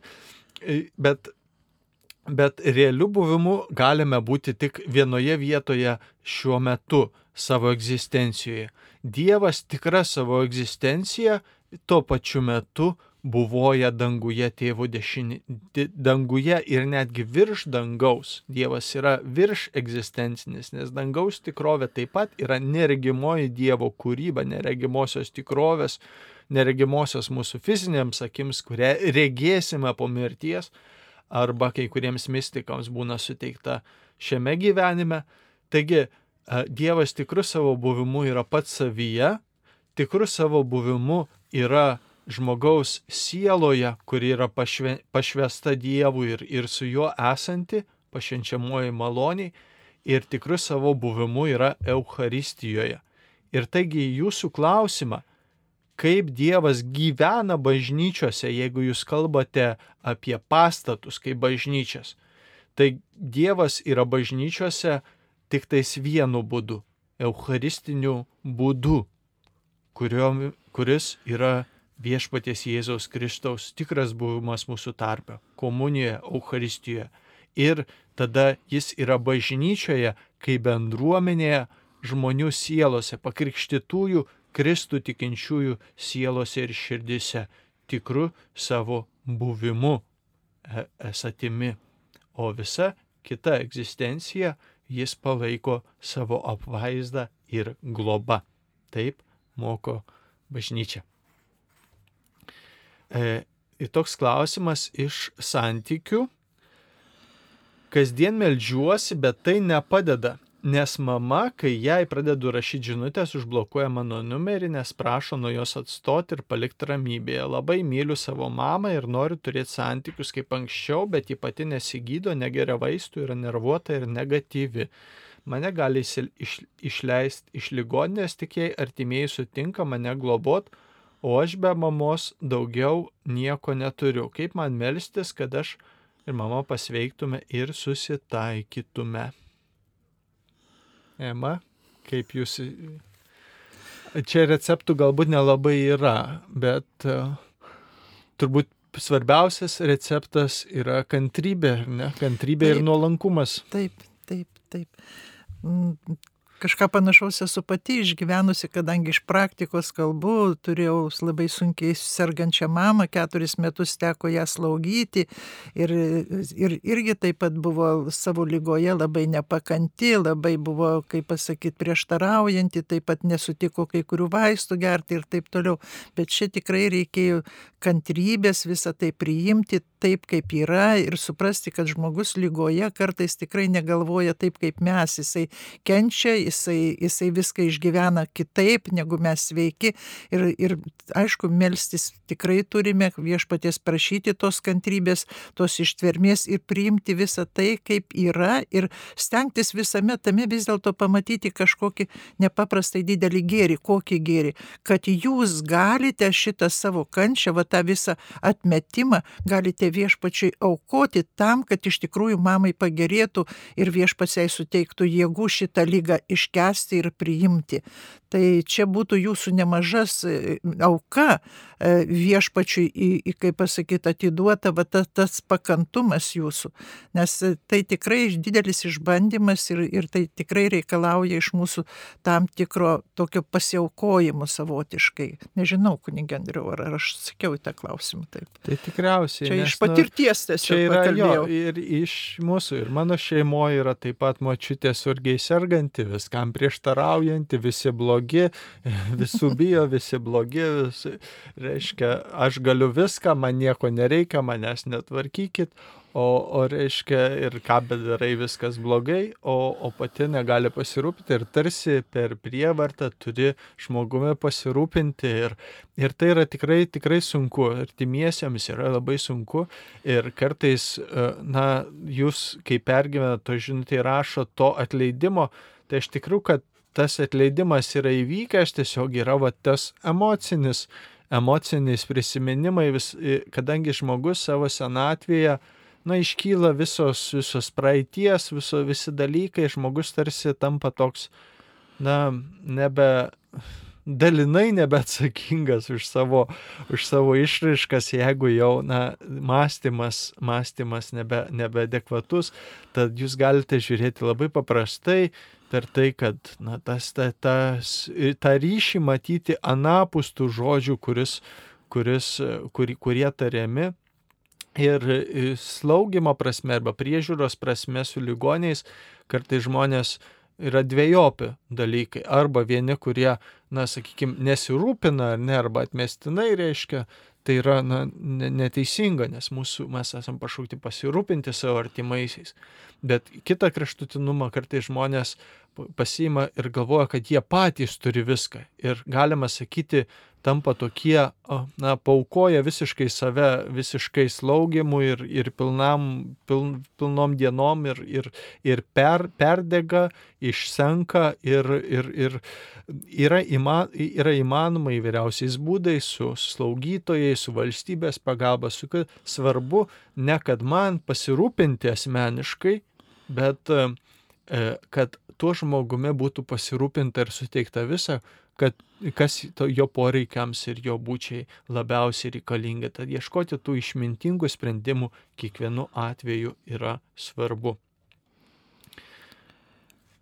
Čia žinutė MMS, pas mus neiššifruoja MMS, kada per ilgą parašysite, bet turime skambutį. Klausome. Algis iš Kauno. Garbėjus Kristai. Sveiki, Algė. Aš norėjau žinoti, ar kur nors Talmudoje, ar šventajame rašte yra parašyta, kiek laiko galima laikyti mirusi žmogų nabašniką, e, reiškia, e, natūralioje būsinoje. E, nes e, dabar, kai būna, kad staigiai miršta ir grabiorai prisistato ir taip pat arba laidoja, arba degina.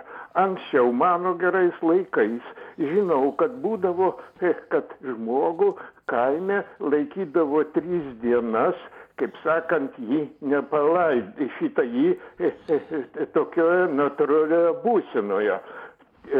O dabar visai pasikeitė. Sakykite, kame čia reikalo priežastys, kaip iš tikrųjų reiktų elgtis, jeigu jis esi tikras katalikas. Mhm. Ačiū Jums už klausimą. Iš tiesų, a, dabar a, ten, teko girdėti istorijų, kad Kaune a, žmogus lygoj namuose jam žinybė iškeliavo, numirė ir pas, paskambino na, visą laiką, kada namuos miršta, atvažiuoja medikai, atvažiuoja policija, na, tas yra, yra procedūros tai iškvietė pareigūnus ir, ir pirmiau negu jiems atvykus atvažiavo laidotuvių namų atstovai. Gal, gal jums kartais reikia mūsų paslaugų. Tai iš tokių ironiškų ar ne epizodų, bet, bet tikrai taip ir, ir tai yra tam tikra prasme, na, dalis verslo, ar ne? Ir, ir, ir mes suprantame, kad tie, kurie veža kremuoti arba tie, kurie veža kitas paslaugas teigia, jie suinteresuoti, kad tomis paslaugomis naudotumėmės ir galima sakyti šiais laikais populiarina tas laidojimo visokias naujoves. Iš kitos pusės bažnyčia moko, kad ar žmogus kremuojamas, ar žmogus laidojamas įprastiniu būdu, tai esmės nekeičia. Svarbu yra malda už to žmogaus sielą, už jį esantį amžinybėje, tačiau mūsų krikščioniškų tikėjimų nei šventajame rašte, nei Izraelio tradicijoje, kiek ją pažįstu, negaliu pasakyti, atrodo, kad nėra konkretų dienų nustatyta, kada palaidoti. Čia galbūt tie, kurie galėtų tiksliau atsakyti, kurie yra e, tos judėjiškos kultūros ir, ir, ir, ir istorijos ir, ir biblinės iškia, ekspertai.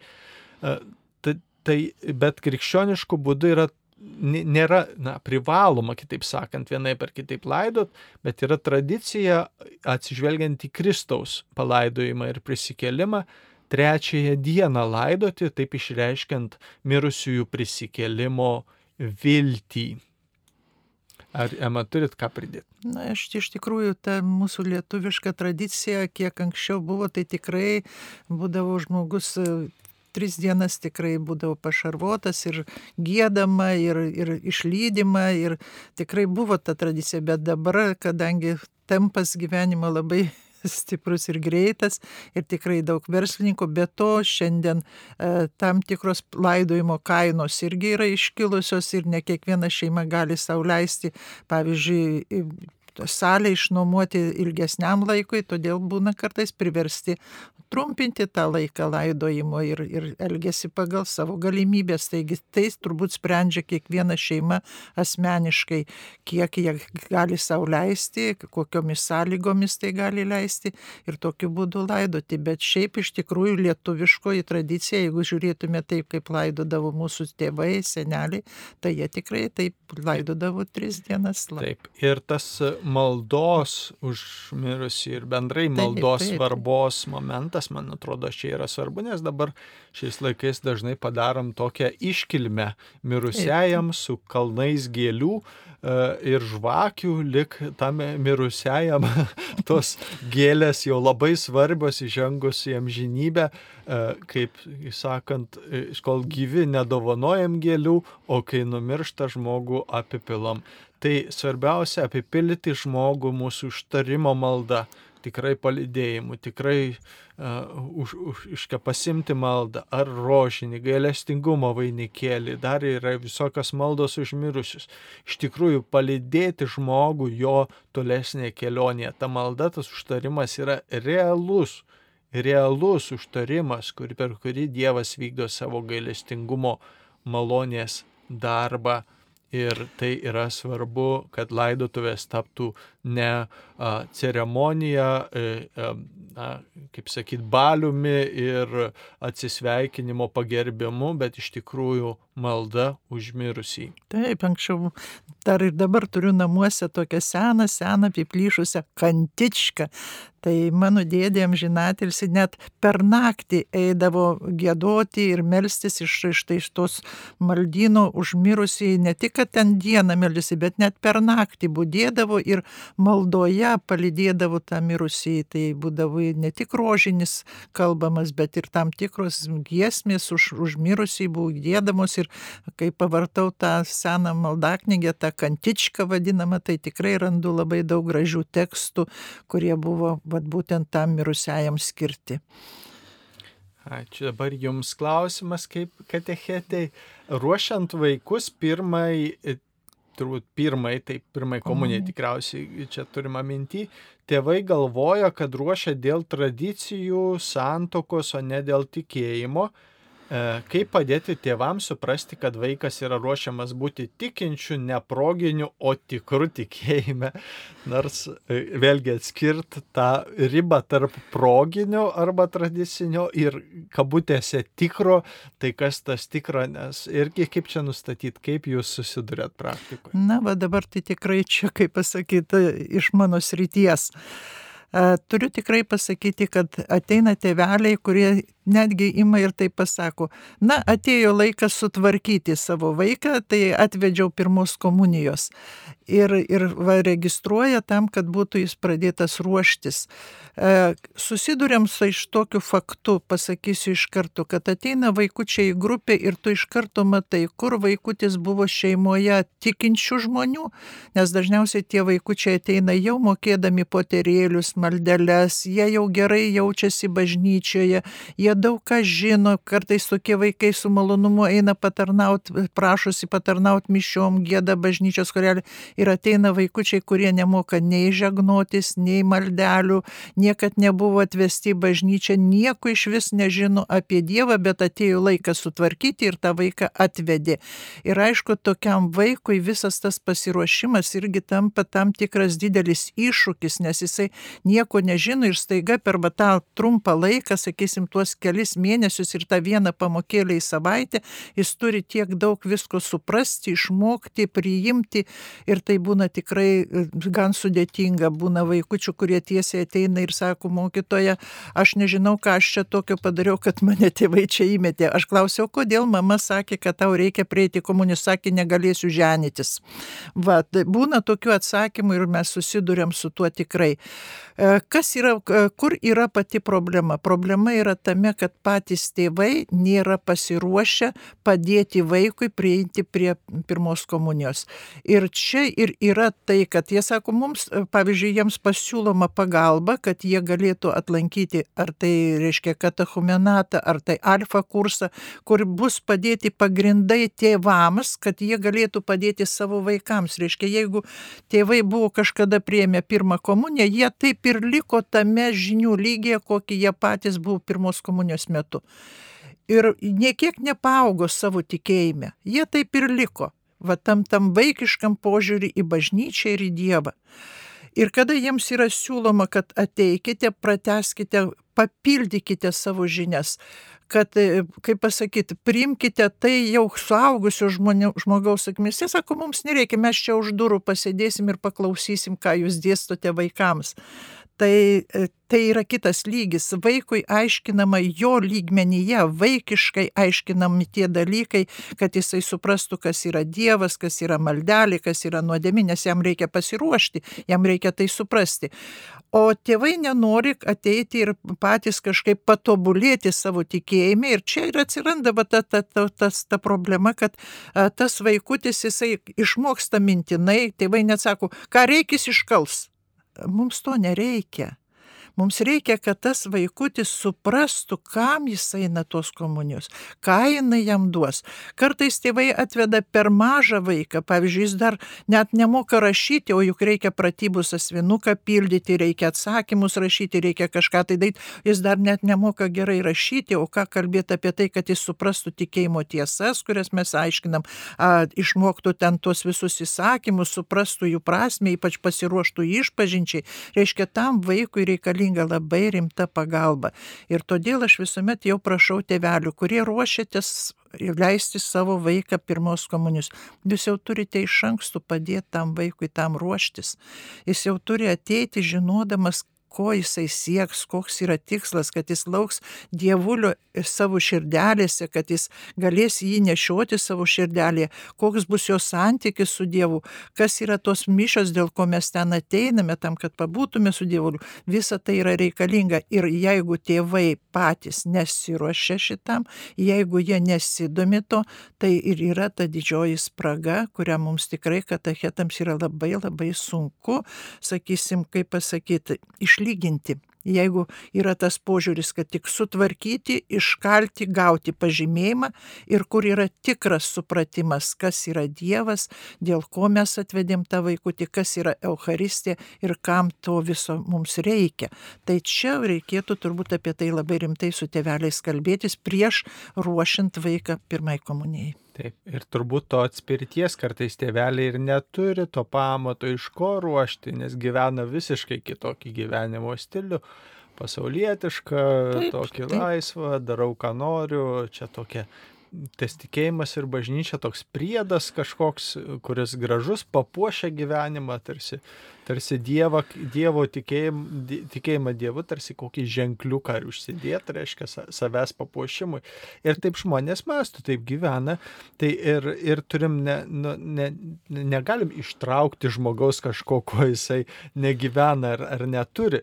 Todėl vat, svarbu tą kalbėti turbūt pirmiausia šito, šitose aplinkybėse apie liudijimą, apie santykį su Dievu, apie gyvą susitikimą su Dievu. Tai, kad na, turime tą, čia yra pirmas momentas, kas yra Jėzus man. Taip. Kas man yra Jėzus pirmiausia. Ne tai, kad e, kokios mano pareigos arba ką turėčiau, bet Jėzau, ka, kaip tu kvieti man gyventi gyvenimą, kad aš jį išgyvenčiau kaip palaiminimą ir savo ir artimiesiam, kad aš matyčiau save kaip misijo, misionierių, tavo misijo viešpatį. Tu mane jau kvieti, ne žmonės, ne bažnyčia sugalvojo tikėjimą, Dievas jį suteikia. Tai kaip tu pirmiausia kvieti viešpatį. Ir čia aš pradedu savo tą evangelinį kelią. Aš kartais, atsiprašau labai, aš kartais pajokauju, nes ateina žmonės į tu akivaizdžiai matai, kad jam reikia ne ko kito, bet vat, reikia pažymėjimo, ta, tiek sutvirtinimo, ar taip pat reikia gauti būtinai tą popieriuką. Tai aš tada ir sakau, pakol kas, kiek aš buvau laidotuvių, aš dar niekad nemačiau, kad einančiam pas viešpati, kaip pasakyti, į, į, į jo teismo dieną neštumėmės į karstą būtų dedami pažymėjimai, kad štai priejas pirmos komunijos komunijos, štai yra pakrikštytas, štai yra prie sutvirtinimo, sudedam visus tuos pažymėjimus ir keliaujam pas viešpatį, kažin ar viešpačiui reikia tų pažymėjimų. Turbūt viešpačiui reikia kitų dalykų. Viešpačiui reikia iš tikrųjų mūsų sielos, mūsų meilės, mūsų atsidavimo jam. Ir turėtume apie tai rimtai pagalvoti, nes dabar tikrai tas vad žodis sutvarkyti, tai dažniausiai ir atsiriamė į tai, kad neduok svietę, negausiu kažkokio parašiuko, kad buvau mišiuose, neduok svietę, kad negausiu to pažymėjimo. Va, o, o iš tikrųjų tikro santykio su Dievu neieškome o tik tai norime, kad vat, kažkokią tai pažymą gautume, kad atlankiau, atbuvau, viskas, padariau, ką reikėjo. Tai tas labai liūdina. Taip. E, bet e, e, Dievas veda bažnyčią, iškia, mūsų laikė nėra išskirtinumo. Visais laikais buvo daug to pragmativizmo, daug a, tokio noro tik dėl akių arba dėl reikalos tvarkyti dalykus, bet, bet reikia kartu pabrėžti, kad netgi ir tai yra tikrai malonė ir dovana, net Taip. jeigu žmogus iš tradicijos, iš papročio eina su Dievu, nes iš esmės keičia, keičia žmogaus charakterį. Dievo malonė, Dievas taip myli žmogų, kad net jam ir nenuoširdžiai, sakykime, einant pas jį vis tiek įlaimina, vis tiek leidžia jį priimti, sustiprina ir keičia, nes, nes viešpas nori mūsų ir laimingų, ir išganytų. E, vienos nulatinės klausytojos klausimas, e, rašytojos nulatinės, e, kur, ar visagalis Dievas galėtų gailėtis savo poilgių sukurdamas, pavyzdžiui, žmogų, kaip Sodoma ir Gomora, kur sunaikino viešpats, arba Nojaus potvinis, kur skaitome šventajame rašte, e, kad gailiuosi sukūręs žmogų ir dabar, reiškia, nu, tarsi nušluosiu. Ar Dievas gali keisti savo nuomonę, žinoti viską į priekį, kiek gyvensime ir jam tikėsime, nuo ko numirsime. Tai dabar labai svarbus momentas atskirti Dievo būti ir jo kalbėjimą mums, mėlyjei. Seno testamento ypač kalbėjimą mums. Kaip e, šventajame rašte yra užrašyta Dievo žinia. Dievas yra visagalis, virš visko esantis, virš istorinis. Dievo akivaizdoje visa istorija yra jo akivaizdoje kaip dabar esanti.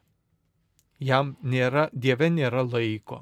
Jis yra virš laikinis, virš istorinis vis, visa yra jo akivaizdoje. Ir e, jis e, negali gailėtis nieko, ką padarė. Dievas visą, ką daro, tai yra tiesa, teisumas ir gėris. Dievas ne, nedaro klaidų. Kiekvienas žmogus yra jo sukurtas pagal meilės paveikslą ir yra geras. E, nors yra įvairiausių anegdotų, sakoma, Dievas sukūrė Adomą ir pasakė, o kaip gera, kaip, kaip gražus žmogus. Tada sukūrė Jėvą ir sako, na, nieko, pasidažys. na, čia iš tokių anegdotų žmogiškų, tikrai nenoriu nieko užgauti, čia, čia juokas grinas. Tai, uh, tai bet, tai, kitai, bet tame juoke yra kas, kad, kad mes dažnai nepriimame savęs kaip, kaip nu tikrai, tikrai nuostabių, tikrai Dievo norėtų, tikrai mylimų, e, tikrai brangių viešpačiui. Ir, ir iš tiesų tokie esame.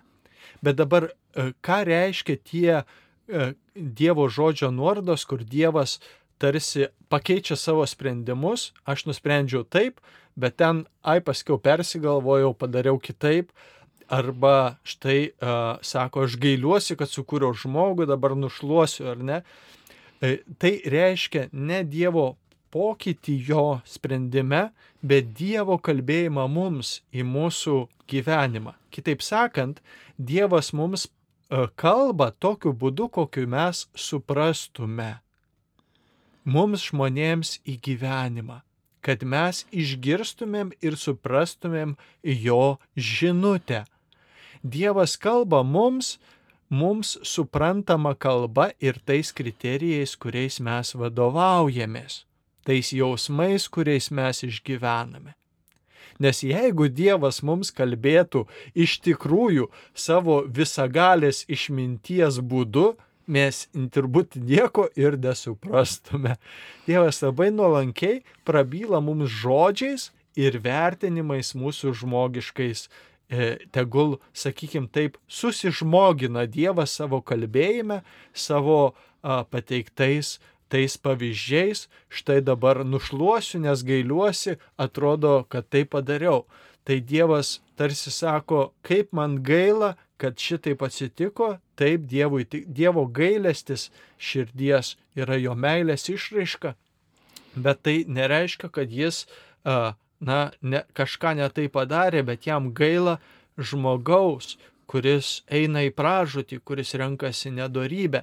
Taigi Dievas yra visagalis, visada mylintis, jis yra tiesa, visus žmonės sukūrė kaip mylimus ir pagal jo paveikslą ir mūsų gailisi, kada nuklystame nuo jo kelio ir kviečia mums sugrįžti į jo meilę ir jo tiesą ir kalba mums kartais žmogiškais būdais.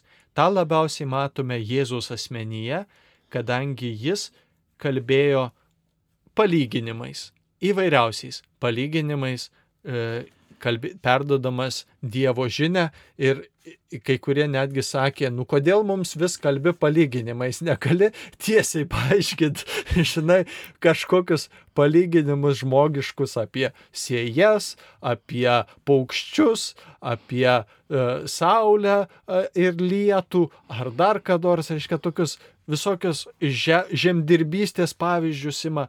E, tai viešpats mums, mums kalba įvairiausiais būdais, kad mes e, suprastumėm ir išgirstumėm. Ir šitaip turime skaityti tuos tarsi tarp eilučių Dievo Senojo testamento įvykius ir mums perdodama žinutę.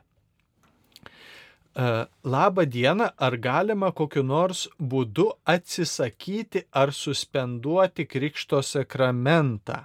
Ačiū, Saulis mums rašo. Na, į krikštos malonė yra duodama vieną kartą ir visam likusiam gyvenimui. Tai yra Dievas, jeigu jau tave pašventino, nes tai yra pašvenčiamoji malonė, tai Dievas atšaukti savo sprendimo, tai tikrai turbūt, kad ne. O kaip kunigė jūs paaiškintumėte, aišku, žmogus gali atsisakyti santykio su Dievu, tai yra santykio su Dievu, bet jau suteiktos malonės, tai turbūt, kad ką Dievas davė, tai jis to tikrai atgal nepasima. Um, Krikšto sakramentas yra transformacija.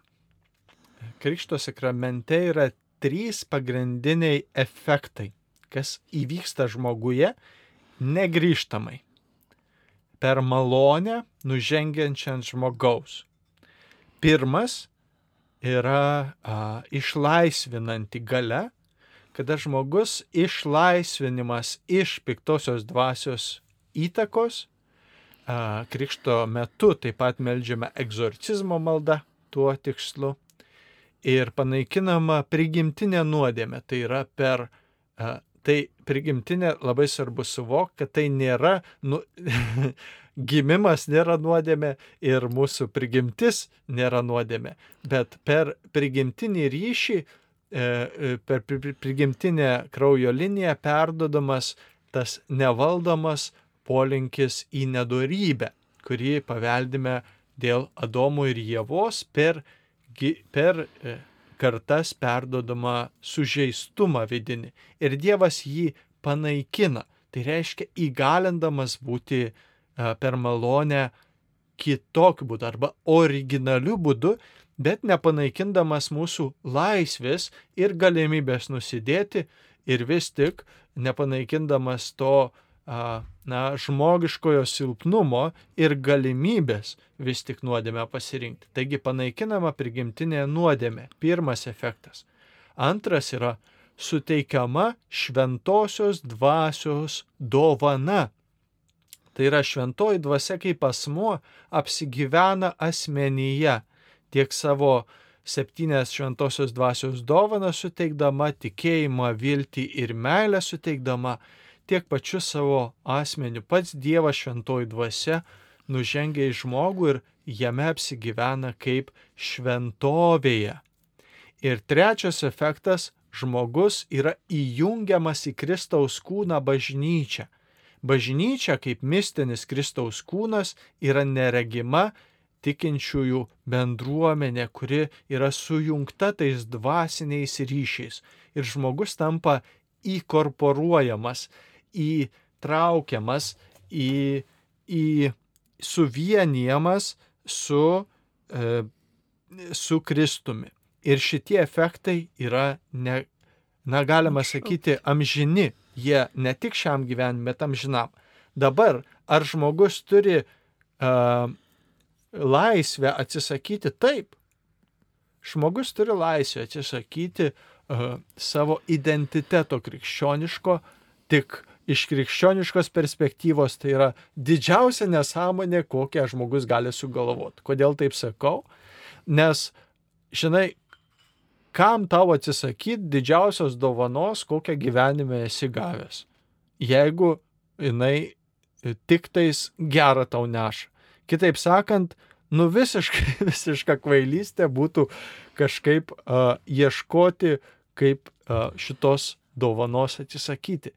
Tegul ir galbūt, sakykime, tikėjimo laisvė arba ne mano apsisprendimas laisvas, kažkaip kitaip tikėti ir panašiai. Žinoma, žmogus laisvas mąstyti ir rinktis kažkaip kitaip. Bet iš uh, tikėjimo perspektyvos arba netgi iš filosofinės arba loginės perspektyvos, jeigu Dievo nėra, tu uh, reiškia, ar atsisakysi, ar neatsisakysi krikšto, nu tai koks skirtumas, reiškia, tai nieko neprarasi. Bet jeigu Dievas yra ir jeigu ta malonė jo yra tikra ir tu jos atsisakysi, tai tu savo pasirenki, na, pražūtį. Tai kitaip sakant, labiau verta priimti ir Dievo ryšį palaikyti. Aha, čia aš komentuoja toliau kitus mūsų klausimus nuskambėjusius. Dėkojimai toliau eina. Ir atsiprašau, dabar ieškau sekančios žinutės, jau turime paskutinę turbūt žinutę. Kas gali išversti kalbų dovaną, gal jūs, kunigė Andriau, gal melžiatės kalbų dovaną, daugiausia žodžiai sakosi lika marit. Ja, suprantu, čia kažkoks keistas klausimas. Kalbų dovana duoda neišverčiama yra. Šintoj dvasia kalbų aiškinimo dovanoj paaiškina arba at, apreiškia, atskleidžia, kas yra maldaujama, ką šventoji dvasia e, mums ragina melstis ir maldauja mumyse. E, va, praktinė žinutė, ar labai rūpi žinia apie škaplerių, ar tai yra aktualu šiandien, ar galima aktualizuoti šiandien škapleriaus naudingumą, kad nebūtų magija. Na, Jūs iš tikrųjų ruošia... yra daug žmonių, kurie tikrai labiau tiki kažkokiais tai e, prietariniais dalykais, negu e, tikrai to, kaip sakyti, ar tai iš kapleriaus ar rožančiaus paskirtimi. E, tenka tikrai žmonės kartais išgirsti, sako, nu, va, aš kalbu dabar apie krikštą ir kartais krikštatėviai ateina ir sako, viešpatė neduok dievę, kad tik nieks nepadovanotų per krikštynas mūsų vaikeliui ten rožančiaus, nes jis dabar va verks visą gyvenimą, kryžių neš ir taip toliau. Aš noriu pasakyti, rožančius yra skirtas maldai. Tai yra priemonė maldai, kuri leidžia mums apmastyti, kalbėti su viešpačiu. Lygiai ir škapleris tai yra mūsų santykio su Dievo motina Marija tam tikras ženklas ir mes jį nešiojame kaip tam tikrą viešpaties ženklą, kad mes esame Dievo rankose, tiek esame Marijos užtariami vaikai, Todėl tai yra tiesiog tam tikri ženklai, kurie parodo taip kaip ir kryželį mes nešiojam ant kaklo, tai yra ženklas, kad aš esu krikščionė, kad Jėzus Kristus yra mano viešpats, aš esu atpirkta ant kryžiaus iš pagarbos viešpačiui, aš nešioju kryželį. Jeigu ko gero būčiau žydų tikėjimu, tai galbūt nešiočiau šešią kampę žvaigždę. Bet žmonės kartais tuos dalykus paima ir paverčia kažkokiu tai burtų, sakyčiau, prietaru, kad jeigu aš nešioju dabar vatrožančius, tai čia yra kažkas tai tokiu pasikabinsiu mašinoje ant veidrodėlio ir neduok svietį. Taip. Mėlyjeji, pavyko prisiskambinti kunigui Viliui Sikorskui dėl e, tokio klausimo, galbūt jisai turės kompetenciją atsakyti. Taigi klausimas klausytojo buvo toks. E, kai gėdame litaniją, yra e, Kyrie Leison ir tada yra Christe Leison ir klausimas, ar reikia tarti Christe Leison ar uh, Kristė Leison. Kristė, Kristė H ar K raidė yra, ar Kristė Leison, kaip taisyklinga būtų tarti šitoj maldoj? Iš tikrųjų mes turime kalbos savo tarstiną ir kuomet rašome TH, mes turime choras, mes nesakome choras. Tai tuo pačiu principu turėtų būti ir Kristė tikriausiai, bet lūtnių kalba neturi tokio skambesio lotynų kalboje yra kai raidelė, todėl mūsų giesmėse dažniausiai mėgstama tarti kai raidelė ir tai nėra labai didelė klaida, kaip pavyzdžiui yra ir kitos raidės, kur tarime č, tačiau lietuvių kalba tarime c, e, c, a, niusdėjai, tai jeigu tai būtų giesmė ir tai būtų muzikantui geriau tarti k, jis tai turėtų teisę tarti bet iš tikrųjų mes tarėme taip kaip choras. Ai, choras. Tai mums, žodžiu, mums melžiantis geriausia lietuviškai, taip kaip rašyta, Christė Leison dažniausiai. Ačiū kunigė Vėliau, ačiū mums davėte aiškumą. Gyvuokite taip pat iki.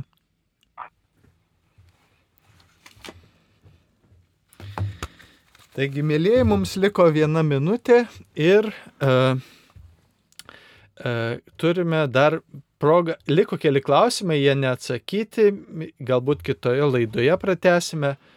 Uh, klausimas ekumeninis. Ar noriu paklausti, ar gali katalikas melstis pravoslavų bažnyčioje, Marija? Mėlyjeji, mūsų at- katalikų ir ortodoksų tikėjimo paveldas i- ir e, gyvenimas yra e, e, tas pats. Iki 11 amžiaus buvome viena bažnyčia. Taigi galima pilnai eiti į ortodoksų stačiatikų bažnyčias, melstis prie ikonų ir netgi dalyvauti jų pamaldose. Ir e, jeigu, pavyzdžiui, yra tokia norma, kad jeigu tu esi kažkam krašte, kur nėra galimybės nueiti į katalikų mišes, tu gali nueiti į ortodoksų bažnyčią, tik tais pasiprašęs e, popo, jų atsakingo, ar galėtum priimti komuniją ir dalyvauti mišiuose ir priimti komuniją, nes Euharistija yra taip pat ta pati. Taip pat ir ortodoksai gali tą patį daryti katalikų bažnyčioje, nors formaliai turime tą tokį atskirtumą identiteto ir tarsi atskiros bažnyčios esame, bet tikėjimo prasme esame vie- vienybėje sakramentų ir ma- malonės aspektu. Tai aš pavyzdžiui žinau, tai tremtiniai mūsų, kad, kurie gyveno tremtyje, ten nebuvo katalikų bažnyčios, o buvo kaip tik, sakysim, stačiatikių maldos namai ir aišku, mūsų tremtiniai norėjo susituokti bažnyčioje, tai ėjo būtent į, į ortodoksų maldos namus ir ten buvo jam teikiami šie sakramentai. Manau, kad Tai, kaip pasakyti, mus atskiria tik tai veiksmai, pati praktika, tradicija, bet esmė tikėjimo pagrindai, tikėjimo tiesos yra tos pačios. Mhm. Ir gerai, paskutinis klausimas apie charizminį judėjimą, a, kadangi da, turiu tą progą atsakyti, ar, yra ku- e, ar e, yra kritiškai vertinančių charizminį judėjimą, tai turbūt kalbame katalikų charizminį atsinaujinimą, taip pat ir evangelikų ir protestantiškų, sėkmininkiškų judėjimų kryptis. Ar yra kunigų vieninga nuomonė apie tai, ar saugu tikintiesiems atvira širdimi tai priimti, teko girdėti jų naudojamus išsireiškinimus per šlovinimus, Dievas man sakė, Dievas pasakė, kad jūsų tarpe yra kenčiančių nuo ir panašiai. Kas čia per dalykas? Ačiū. Taigi, oficialiai katalikų bažnyčia e, yra įsteigusi katalikų charizminio atsinaujinimo tarnystę, vadinamą Haris, kuri atsakinga už viso katalikų bažnyčios charizminio atsinaujinimo priežiūrą ir globą. Ir yra visiškai palaikomos charizminio atsinaujinimo rai- raiškos oficialiai bažnyčioje kaip, na, saugi arba tinkama arba ne- nekenksminga raiška, sakykime taip.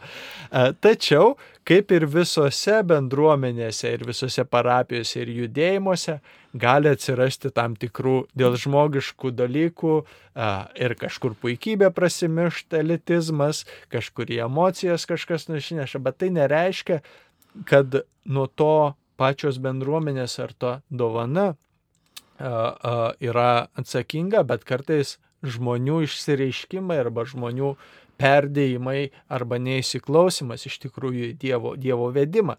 O charizminiuose dovanose iš tikrųjų e, tose tų bendruomenių tarpe kartais būna Dievas ima, ima ir kalba ir labai paprastai. Ir daugybė tų vadinamųjų charizmatų jiems yra visiškai normalu girdėti Dievo balsą, suprasti, ką jisai man šiandien kalba į, į širdį, į gyvenimą ir jis tuo dalinasi. E, Nebūtinai jisai deklaruoja to kaip Dievo prieiškimą. Jisai, jisai na, tai per tokią, na, sakykime, na, at- atpažinimą liktai atrodo Dievas šitai. At katalikų ir ortodoksų tikėjimo paveldas i- ir e, gyvenimas yra e, e, tas pats. Iki 11 amžiaus buvome viena bažnyčia. Taigi galima pilnai eiti į ortodoksus, tačiatikų bažnyčias, melstis prie ikonų ir netgi dalyvauti jų pamaldose. Ir jeigu, pavyzdžiui, ir tokia norma, kad jeigu tu esi kažkam krašte, kur nėra galimybės nueiti į katalikų mišes, tu gali nueiti į ortodoksų bažnyčią, tik tais pasiprašęs e, popo, jų atsakingo, ar galėtum priimti komuniją ir dalyvauti mišiuose ir priimti komuniją, nes Euharistija yra taip pat ta pati. Taip pat ir ortodoksai gali tą patį daryti katalikų bažnyčioje, nors formaliai turime tą tokį atskirtumą identiteto ir tarsi atskiros bažnyčios esame, bet tikėjimo prasme esame vienybėje sakramentų ir malonės aspektu. Tai aš pavyzdžiui žinau, tai tremtiniai mūsų, kad, kurie gyveno tremtyje, ten nebuvo katalikų bažnyčios, o buvo kaip tik, sakysim, stačiatikių maldos namai ir aišku, mūsų tremtiniai norėjo susituokti bažnyčioje, tai ėjo būtent į, į ortodoksų maldos namus ir ten buvo jam teikiami šie sakramentai. Manau, kad Tai, kaip pasakyti, mus atskiria tik tai veiksmai, pati praktika, tradicija, bet esmė tikėjimo pagrindai, tikėjimo tiesos yra tos pačios. Mhm. Ir gerai, paskutinis klausimas apie charizminį judėjimą, kadangi da, turiu tą progą atsakyti, ar, ar yra kritiškai vertinančių charizminį judėjimą, tai turbūt kalbame katalikų charizminį atsinaujinimą, taip pat ir evangelikų ir protestantiškų, sėkmininkiškų judėjimų kryptis. Ar yra kunigų vieninga nuomonė apie tai, ar saugu tikintiesiems atvira širdimi tai priimti, teko girdėti jų naudojamus išsireiškinimus, per šlovinimus, Dievas man sakė, Dievas pasakė, kad jūsų tarpė yra kenčiančių nuo ir panašiai. Kas čia per dalykas? Ačiū. Taigi, Oficialiai katalikų bažnyčia e, yra įsteigusi katalikų charizminio atsinaujinimo tarnystę, vadinamą Haris, kuri atsakinga už viso katalikų bažnyčios charizminio atsinaujinimo priežiūrą ir globą.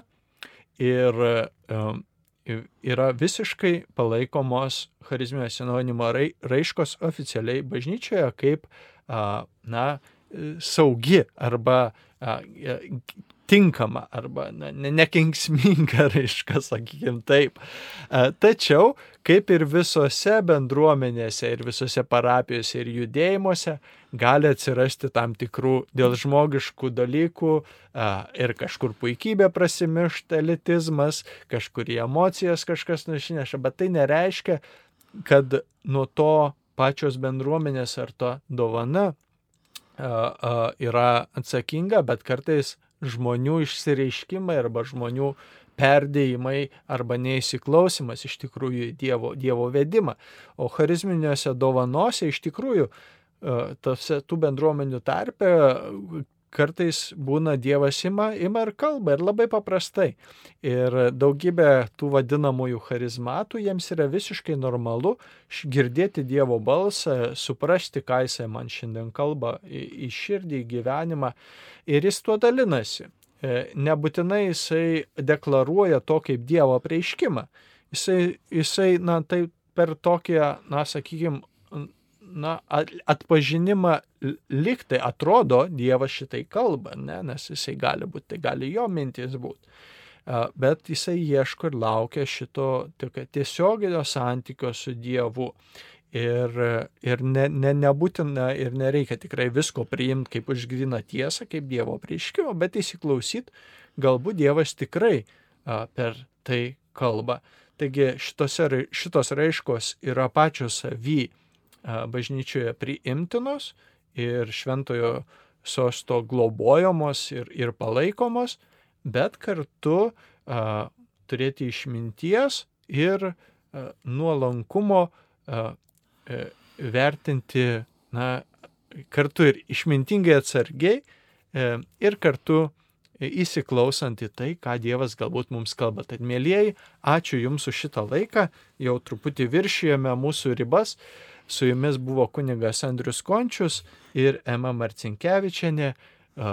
Tikimės, kad viešpats davė atsakymų į mūsų tikėjimo kelionę. Te būna už mūsų tikėjimo kelią, už mūsų gyvenimą Visa garbė Dievui, tėvui ir sūnui ir šventai dvasiai, kai buvo pradžioje, dabar ir visada ir per amžius. Amen. Su Dievu. Sudė.